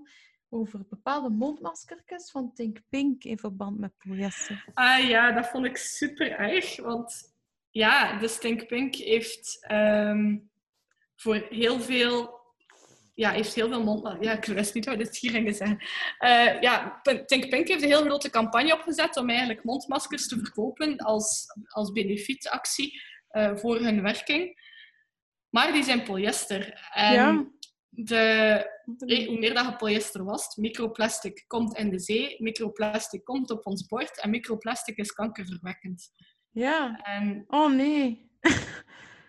ja, ik heb er hen op aangesproken ehm, op Twitter, maar zo netjes en beleefd. Zo. Hebben een conversatie geha- een, een private messaging conversatie gehad. En ze hebben gezegd dat ze er de volgende keer gingen aan denken. Oh nee. Ja, Dat is een triestig verhaal. Ja. En dat is... Dat gaat over onweten, hè. Allee, niet veel mensen... Mensen weten het gewoon niet. En dat, eh, dat was leuk. Ik had vorig jaar... Er was ja, een bepaalde campagne van iemand die iets moest doen voor WWF. En ze hebben wel ook ja, ons advies ingeroepen, ook om te vragen of dat alles wel klopt. Ehm, zodat het niet indruist tegen de waarden van WWF. En dat is, dat is wel fijn dat we dan dat soort opdrachten krijgen er ook tussen. Ik heb nog een, een, een laatste vraag voor u, voordat ik de luisteraarsvragen op u afvuur. Ehm, hoe ziet eigenlijk uw kleerkast er een beetje uit? Welke soort stoffen heb je het liefst? Welke merken eventueel draagt je? Ehm, vandaag heb ik Rooma aan, is 100% tencel. Rooma is helaas een Nederlands merk, was heel sterk gestart en die is nu door de coronacrisis ten onder gegaan. Oh. Dus dat was de eerste dat we één week in de, in de lockdown en die hebben de boeken moeten toeleggen. Spijtig. Dus het is Ja. niet meer, je kunt daar niks meer van kopen nu. Nu ligt het nog in de winkels. Maar uw kleedje Ehm. is dan dubbel zoveel waard al. Ah ja, maar dat is wel spijtig natuurlijk. Ja. Ehm, J-Label heb ik ook in mijn kleerkast hangen. Dat is ook een Nederlands merk. Die zijn te koop bij Harvest Club in Leuven en bij Host in Berchem. Mhm. Maken heel leuke dingen in biokatoen en tencel en viscose, maar ook ehm, heel sociaal geëngageerd. Is het nu India of nu Bangladesh? Ik weet het niet meer van buiten. Het staat op Kosh in ieder Oké, geval. ja, allemaal naar. Ja. Allemaal naar Kosh. Eh, wat hangt er nog in mijn kleerkast? Ehm, Kings of Indigo, mud jeans, Mudjeans. honest jeans. Ja, Ik mudjeans. Ik ga trouwens, eh, denk ik, om de zoveel tijd, kan er echt geen datum op plakken, maar het is oké. met jaar, denk ik. Altijd naar Supergood. Altijd om dezelfde mudjeans, voor als een andere versleten is. Ik neem dan een oude terug mee en die geef ik daar weer af. Eh, Ja. Dus ik neem gewoon altijd dezelfde broek. En ik heb die dan twee keer in mijn kast liggen, omdat dat gewoon...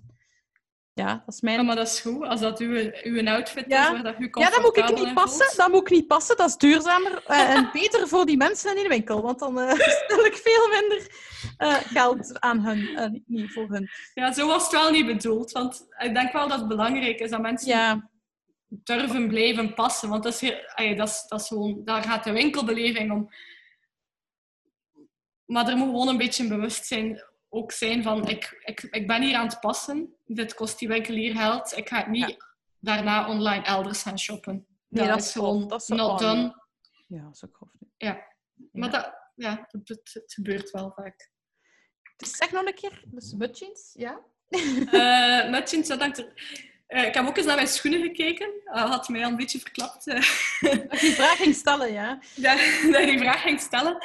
Ehm, van schoenen, eigenlijk al mijn klassieke schoenen zijn nog allemaal Bruno Pieters schoenen van toen dat ik in de luxe mode-industrie werkte.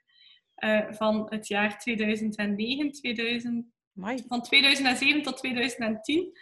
zijn schoenen dat ik toen kreeg ja, als part of the, part of the deal. Hè. Ja. Ehm, maar die draag ik nog altijd. Ja. En die draag ik nog. Dus mijn favoriete hakken zijn nog altijd eh, Bruno Pieters schoenen. Ook perfect geleest. Dat wil zeggen, de, de vorm ehm, van de schoen. Eh, en dan ja, sportschoenen van Veja. En ehm, nu ook sportschoenen van Womsch. En dat zijn eigenlijk... Womsch eh, maakt sportschoenen in appelleder. Ah, Dit is eh, een vegan ledersoort die van appel gemaakt is. En daar was het wel een overweging, want hè, dus appelleder klinkt super de max. Maar de realiteit is dat is één Italiaanse fabrikant en daar zit eigenlijk nog heel veel ehm, niet zo duurzame materialen in, in de appelleder. Dus het is eigenlijk niet biologisch afbreekbaar na gebruik. En er zal wel een stuk appel in zitten, maar het is nog heel veel ja, Plastic, plastic-achtige... Ja. ja. En dat was zo van, oké, steunen we mee de verandering? Want eigenlijk dan ben ik aan het kijken van oké, maar als we nooit, als we zeggen we willen geen appelleer, dan gaat de volgende appelleersoort ook geen kans maken. En de nieuwe die eraan komt, Ja. eh, van Belgisch onderzoek trouwens, gaat eh 100% plantaardig zijn en gaan ze waarschijnlijk appel mixen met linnen of zo. Eh, Sarah van Doornen weet er in ieder geval meer over. En dat, ehm, allee, daar, dat is een innovatie dat ik heel hard naar uitkijk. Maar momenteel liggen er dus andere appellederen sneakers in mijn... eh en ik draag ze heel veel. Eh, welk merk was dat? Want kun je dat spellen? Womsch. W-O-M-S-C-H. Staat ook op Kosh. Nee, Ja, staat, tuurlijk, dat ja, staat staat op die website. Ah ja, maar ze zijn nog niet volledig gescreend. Omdat we er eigenlijk maar drie per retailer doen per jaar. Oké. Ja, het was voor de luisteraar die het dan nu ook kan googlen. Of Ecosia. Een. Ehm, ja, zijn er nog dingen? Ja, het makkelijkste is trouwens als je op Google het merk intikt en Kosh erachter tikt. Dus het merk dat je zoekt en Kosh C-O-S-H erachter. Dan vind je direct de pagina op Kosh met al zijn retailers eronder. Ja, en dat komt ook direct op jullie site natuurlijk. Ja. Maar maak maar reclame. Ik heb trouwens gezien dat er openstaande vacatures zijn op de site. Dus voor mensen die een job Klopt, zoeken. Eh, ehm, We zijn zeker nog op zoek ook naar stagiaires voor deze zomer. voilà. Oh, tof, Eh, dus- tof, tof, tof. Ja. Ja, dat doen we heel graag om, om mensen ja, op te leiden in duurzaamheid eh, en anderzijds ook in marketing. Oké. Ja, dus voor mensen die zich geroepen voelen. Ehm, het is tijd voor de vragen van de luisteraars. Ehm, we hebben er langs verschillende wegen binnengekregen. Ik heb langs verschillende wegen ook oproepen gedaan. Want nu dat we ook eh, met de podcast op social media zitten, vind ik dat wel tof. We gaan beginnen met eh, Sarah Kellens. Die vroeg: hoe kan je eigenlijk aan een kledingstuk zien of dat nu van goede kwaliteit is? Zonder labeltjes, denk ik. Dus gewoon aan het kledingstuk zelf. Dat is heel moeilijk. Oei, dacht ik. Ehm, want je hebt, hebt daar twee facetten. Je hebt één, de kleurvastheid van het textiel. Kun je niet checken. Tenzij dat het een keer goed tegen een witte t-shirt wrijft, maar dat wilde niet staan doen in de winkel. Ehm, dan heb je de kwaliteit van de naden. Ja. En daar kun je eigenlijk... Als ze eigenlijk... Allez, bijvoorbeeld als je de, de zijnaad pakt hè, in een broek of in een jurk of in een rok. Hè, en je pakt de zijnaad en je trekt die keer goed open. Hoe sterk en hoe stevig is dat stiksel daar. Maar ook ehm, hoeveel ehm, naadwaarde is er. Wacht, hè, maar moet dat ik het doen? Ik ga even kijken of ik dat kan doen. Ja. Ik ben ook naar mijn naad aan het kijken. Als ik dat voorbereid, had ik een stuk bij gehad om het te doen. Ik heb niks in de buurt. Eh, dus maar eigenlijk de, de dekte van de naad die ze laten, Mhm. zegt ook iets over de kwaliteit. En dat is hoe dunner de naad, hoe minder stofverbruik, stofafval dat ze hebben. Dus vanuit de zero waste perspectief is het geoptimaliseerd. Maar wil ook zeggen dat je eigenlijk geen naad hebt als er iets doorscheurt om Ja, veel te gaan herstellen.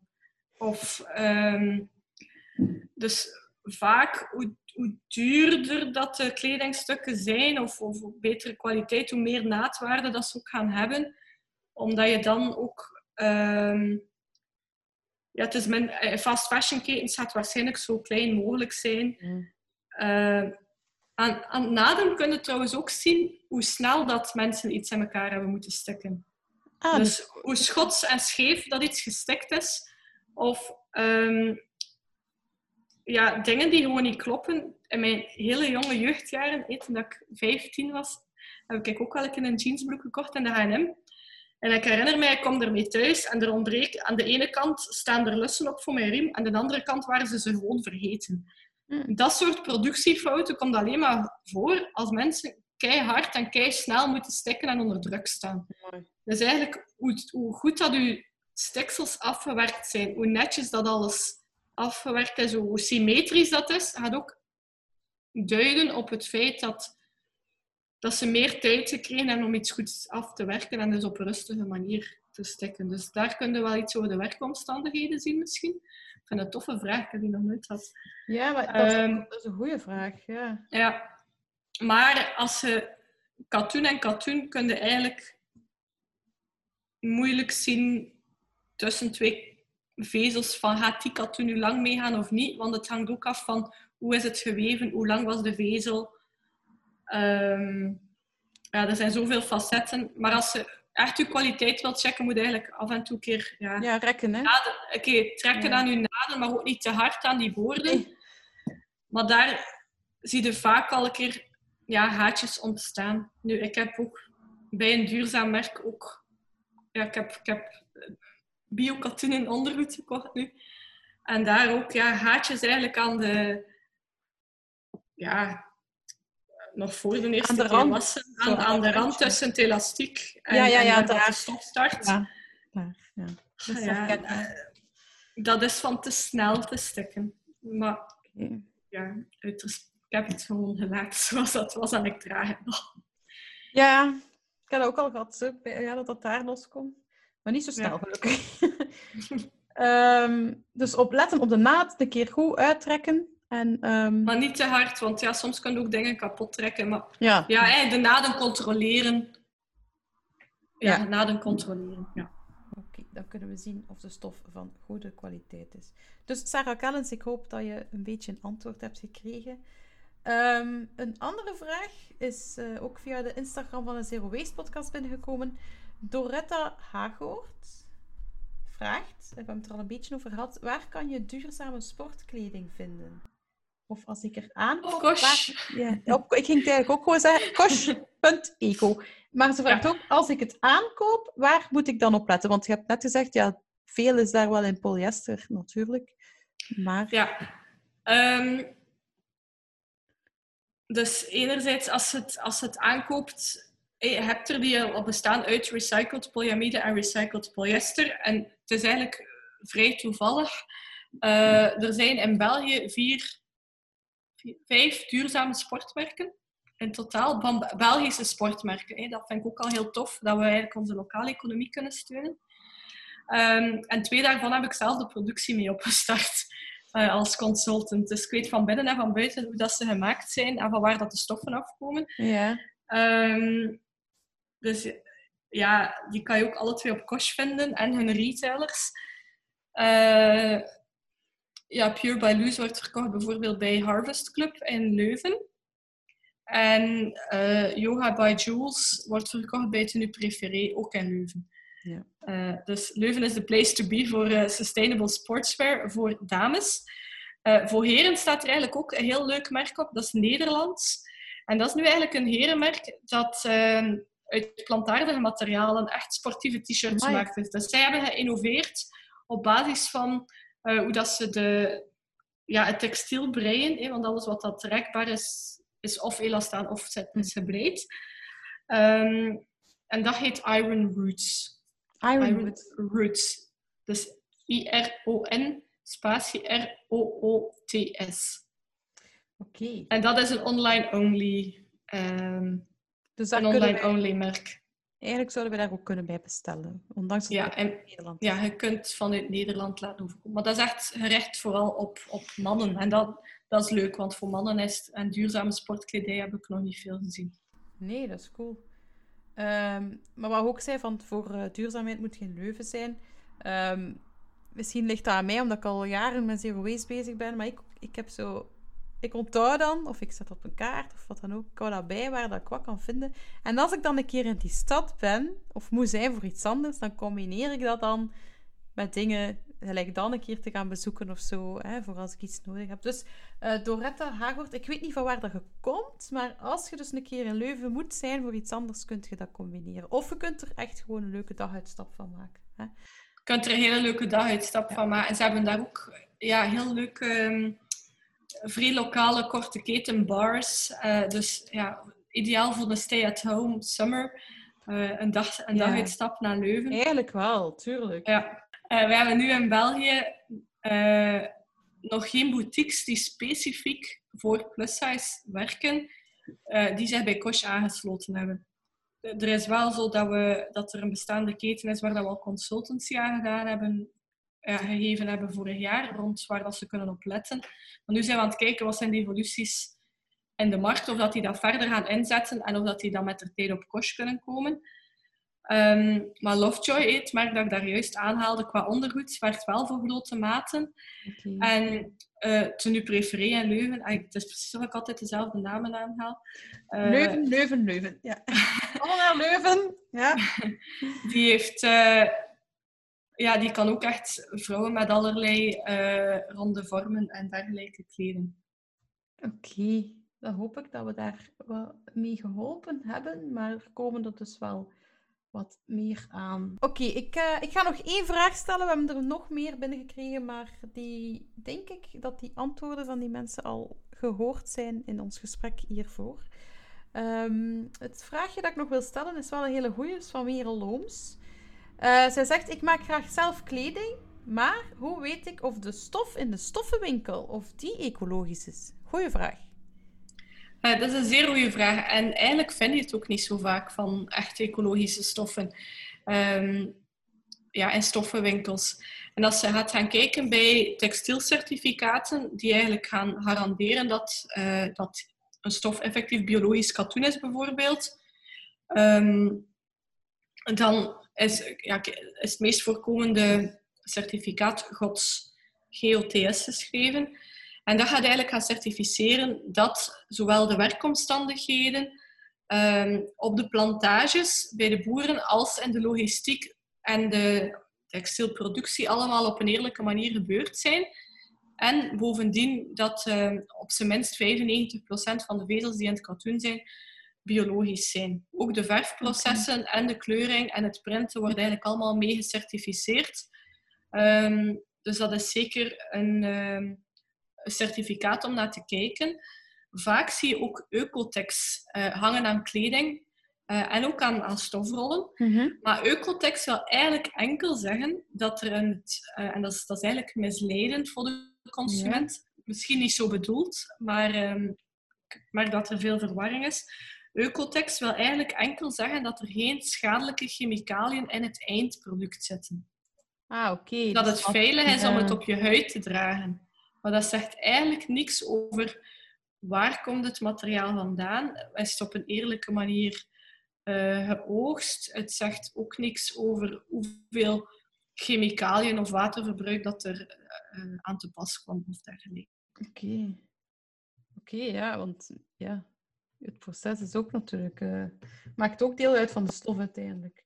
Ja. Dat is wel tof, want daar hangen dus ook gewoon lepels aan. Dat wist ik zelf niet. Aan stofrollen. Ja, maar eigenlijk is het zo dat... ehm, ik denk dat je de algemene stoffenwinkels hebt en dan heb je er eigenlijk een paar die heel specifiek eh, zich richt, echt richten op biologische stoffen. En we hebben er zo hier een in, ehm, in Assenbroek, in de buurt bij ons. Die heet Sprookjesstof. Ehm, kan je ook vinden, sprookjesstof.be, denk ik. En eh, eigenlijk, als je daar shopt, steunde ook een beetje mee Kosh. Want voordat Kosh startte, had ik een eigen eh, ecologisch kinderlabel. En wij hebben eigenlijk ook al onze reststoffen verkopen Ah. via sprookjesstof. Dus eh, daar steunde op een andere manier Kosh ook mee. Maar ze hebben heel veel aanbod die, die niet aan Kosh gerelateerd is of aan Kyoko gerelateerd is. Maar het is allemaal 100% biokatoen eh Oké. bij. Voilà, ehm Merel Looms. Ik denk dat ik weet waar dat jij binnenkort eh, stoffen gaat halen. Eh, Oké. Dat- Ik ga het hierbij laten bij al de vragen. Ehm, misschien komen er na deze aflevering ook nog vragen. Jullie mogen die steeds opsturen, hè, mensen. Eh, we hebben dat graag, maar eerst en vooral Niki, bedankt voor het gesprek. Ik heb superveel bijgeleerd. Ehm, de volgende keer als er iets kapot is in mijn kleerkast, ga ik opnieuw naar kosh.eco surfen en ga ik een hele route maken, vermoedelijk in Leuven, want daar moeten we blijkbaar allemaal naartoe. Ehm, We sta- we staan ook heel sterk in Aalst. Eh, in Brussel zijn er ook veel opties. ja, Brussel. Ehm, ah ja, nog, nog een vraag die ik nu plots Ja? toevallig te binnen schiet. Zijn er ook veel winkels buiten grote steden? Of is dat in opmars, denk je? Eh, dat is zeker en vast, vast in opmars zien we meer Ah. en meer. hè. Dus, ehm Druanscha en Lier, eh, waar dat je ook heel Ah, veel spullen ik, kunt kopen eh, voor je eco-waste, Ja. zero-waste cosmetica zelf te maken. staat er bijvoorbeeld ook op. Ehm, maar we zien ook dat voor kleding dat er meer en meer komt in, in kleine dorpen zelf. Ehm, en dat is, dat is een hele boeiende evolutie. Maar Ja, met Kosh zijn we nu actief in een tiental steden in Vlaanderen. Uh, dus kun je heel veel vinden. En um, ja, datagewijs staan wij al veel verder. We hebben nu weer tijdelijk de data open, um, dichtgeklapt. Uh, tijdens de lockdown stond, stond die open, maar normaal gezien als je in de zomer zelf naar Nederland gaat of zo, zou je kunnen ja. met Kosh ah. uitstappen. Cool. Ja, ver gaan we die gaan van de zomer, maar nee. uh, we gaan sowieso wat steden bezoeken waar dat zich uh, heeft gemanifesteerd. Oké, okay, Niki, merci voor uh, alles, uh, alle info. Het is, heel, het is heel veel geweest, merk ik wel. En ik hoop dat de luisteraars ook wel uh, ja, wat meer informatie hebben gekregen en meer en beter keuzes kunnen maken nu op vlak van kleding. dus dank u wel, Niki. Graag gedaan. En ja, de luisteraars mogen zeker ook bij ons of via onze Instagram of, of Messenger ook nog altijd vragen bijstellen. We gaan ze niet allemaal één voor één individueel beantwoorden, maar dat is heel leuke input ook um, voor nieuwe sociale media posten die wij kunnen gaan maken dan. Ja, dus waar kunnen ze jou vinden? Allemaal? Uh, op de website kosh.eco. Op Facebook zijn we kosh.be, denk ik. Uh, op Instagram ook kosh.eco. Je kan mij ook terugvinden op LinkedIn op, met, met mijn naam, Niki de Schrijver, of um, ook op Kosh. En op Twitter zijn we ook kosh.eco. Oké, super. Merci Niki. En ik hoop dat wij elkaar binnenkort ook een keer in echt kunnen zien. Want dat is ook ja, dat zou heel tof zijn. Hè? Ja, uh, een, ja. op een of ander groots ecologisch evenement of zo. het eerste wat dat eraan komt is Plein Publiek. Uh, eind september is er een evenement op Plein Publiek in Antwerpen rond uh, een eco-lifestyle. En uh, daarna is ook uh, Fair Fashion Fest. Uh, dus ik denk dat we daar elkaar misschien ja. ook op moeten in Gent. Zeker en vast. Ik ken de datum nog niet, maar we gaan het er zeker nog over hebben in de podcast. Oké, okay, Niki, merci. En um, ja, tot snel hopelijk. Jo. Dankjewel. Dag.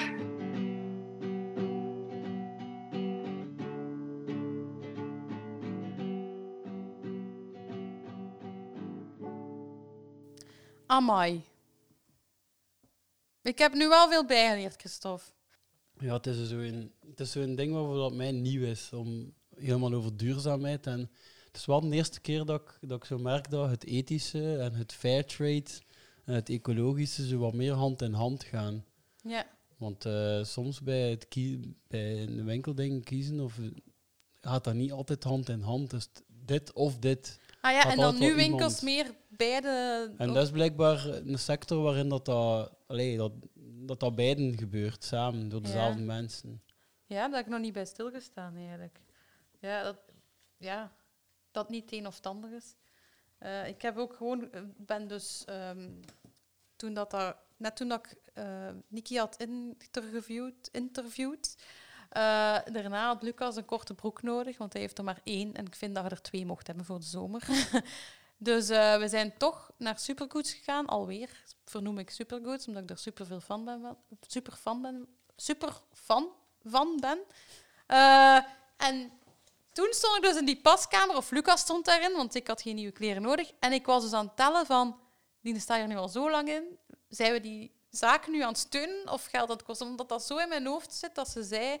Uh, allee, van eigenlijk... Um, ja, ik denk dat passen nog altijd essentieel is en dat heeft ze ook zelf gezegd. Dus, uh, maar ik denk dat het belangrijk is dat we erbij stilstaan. Ja, ik heb wel een anekdote ook waarin dat passen eigenlijk wel beter is van wel. Ah ja. Maar ja, ik, ja, dus, ik had het niet verteld, maar ik ga gewoon niet graag kleren, nieuwe kleren gaan halen en een nieuwe klerenwinkel en al. Ik vind het allemaal niet leuk. Ik vind het niet leuk om voor die spiegels nee, te staan. Dat duurt, zeker als het een broek is. Oh, ja, ik vind ja. dat... Nee. ik, vind, ik heb dat nooit wijs gevonden als kind en nu nog niet. Dus wat heb ik over de laatste keer gedaan? Ik heb mij dus een, ja, een Carhartt broek. Dus, dus een merk dat redelijk... Ja, dat kent iedereen wel, denk ik. Ja. ja. Carhartt, dat, dat droeg ik in het middelbaar. Ja. Met zo'n Carhartt rode vesten. Ja. Ik ben, ben zo een gaan halen in de solden. En um, ik heb dus uiteindelijk ja, zo'n paar pasta uiteindelijk een gekocht. En ik heb dan van hetzelfde... Ik heb dan dezelfde gekocht, maar in een andere kleur ook nog. Ja. Ik heb die niet meer gepast. Ik heb gewoon gekeken dat het exact dezelfde ja. maat was. En dat klopte niet. Toen ik thuis kwam, ben ik achtergekomen dat die, die uh, dezelfde maat erop stond, oh, maar dat nee. eigenlijk een echt veel grotere was. Huh? En eh, omwisselen met solden deden ze niet. Maar Dus het was echt een fout van de winkel. Het was echt, eh, ja, zo grof. En wat hebben we dan En ze gedaan? namen Tweedehands niets terug. verkocht of zo? Want dat zijn toch dure dingen? eh, met een riem dragen. Oh, leuk. Dat is zo triestig. Ja, Leuk, dat is zo triestig. ja nee, niets aan te doen. Ja. Wel, het Ja, was wel in de Maar het is wel goed dus- dat je hem nog draagt, tenminste. Ja, het was wel in de... Ja, Ja, het was niet zo duur. Het is er zo wel een ja. die zo... Ja, die kan gewoon minder oppakken uiteindelijk. hè. Maar dat is ook een zero waste veel dan van vorige zomer of zo. Eh, van de winter, ja. Ja, oh, dat is wel... Ja, Ja, wel, omdat ze daar spreekt over ja, de, de tijd in de winkel en zo, en het paskotje. Ja, maar bij grote ketens, like ja, H&M... dat geldt als grote keten misschien. Ja, dat weet ik niet. ja. tussenin. Maar bijvoorbeeld H&M, die wil dat je thuis past, want die hangen zo op. Pas, je kan het ook thuis passen. Maar ja, als je dan terugkomt met die kleren en het wat niet paste, ik denk dat er heel veel gewoon Ik vind dat een weggegooid heel rare wordt. cultuur. Heel die, ah ja, daar, hebben we het, daar is het eigenlijk helemaal niet over gaan. Over die mensen die zo twintig stuk kledingstukken Ja. Kopen en dan, dan 18 Ja, terugsturen. Of met de, nu, ook met corona, zijn er ook veel die dat, nog meer die het gewoon digitaal doen. En dat wordt echt weggesmoten. Allee, denk, het grootste deel, denk ik, zeker nu. Dat, ze moeten al die ja, kleren is anders ook zo'n ontsmetten. sector waarin dat, ze, ze checken niet eens alles. Hè. Nee. Want er zijn er al van die oplichtingsdingen uitgekomen. Ja, voilà. Dat, dat mensen gewoon eh, kledingstukken zo gezegd terugsturen, maar er zat krantenpapier in. En ze kregen al het geld terug, maar ze hadden die kleren nog. Ja, want dat is al een heel ander onderwerp, denk ik dan. ja, nee, maar het feit dat dat lukte wil zeggen dat dat Ja, niet gecheckt wordt en direct wordt weggesmeten worden. Ja, Ja, dat is wel waar. Maar ik, vind, ik probeer in mijn podcast altijd vooral de oplossingen ja oké. nu naar buiten zagen. te doen. Nee, ja, niet zagen, maar daarom, like Niki geeft een oplossing en daarom heb ik ervoor gekozen om... Dus daarom heb ik ervoor gekozen om haar te interviewen, want haar project is één van de oplossingen. Ze verbindt ook die winkels met elkaar, ze helpt die winkels. En jij als consument kunt kijken, waar kan ik nu bij zijn? En dat is vooral die transparantie die belangrijk is. Hè? Die, dat je contact hebt ook eh, met de verkoper. Ehm hoe? Ik denk dat we veel hebben bijgeleerd. Heb ik nog iets te vertellen? Ja, want ik wil een paar shout-outs doen. Ik heb een shout-out, ik heb maar één. Eh, en dat is, eh, ik wil Jo van Bio bedanken. Die luistert naar deze podcast en die is er fan van. En die ja, heeft heel veel reclame voor ons gemaakt. En ik, Ja, merci, Jo. ja, en natuurlijk ook mij Plastic Vrij wil ik ook bedanken, want die hebben ook eh, gezorgd dat we een, toch een nieuw publiek bereikt Ja. hebben nu, denk ik. Eh, en alle nieuwe luisteraars willen we bedanken. En de luisteraars van het eerste uur natuurlijk ook. Dus, dat was het voor dit schooljaar of dit seizoen. Ja, en eh twijfelt niet als je hem nog een keer ook wel eens wil delen, deze aflevering of een andere Ja. aflevering of iets van onze podcast. Eh, We staan op heel veel kanalen ondertussen al, dus ja over die Eh, kanalen gesproken. Op, merci voor het delen. ja, ja, op YouTube. Dus er waren nu wat filmpjes te zien, omdat dat eenvoudig was natuurlijk. met- met de, de videochat konden we onszelf gemakkelijk filmen. Ja, nu ook, hè, deze aflevering, Ja, een stukje video. Ja, het stukje van kan je- Dat is misschien wel interessant voor als je de site een keer wil zien met uitleg van Niki erbij.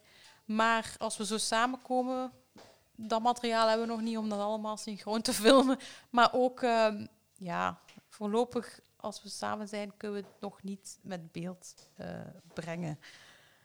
Maar ik denk dat dat is ook duidelijk dat de meeste mensen luisteren naar ons en niet kijken naar ons. Dat weten we uit de statistieken. Dus Ja. eh, ik denk dat het oké is. eh, maar ja, dat is ook het belangrijkste. Dat is, daarvoor hebben we het ook gemaakt.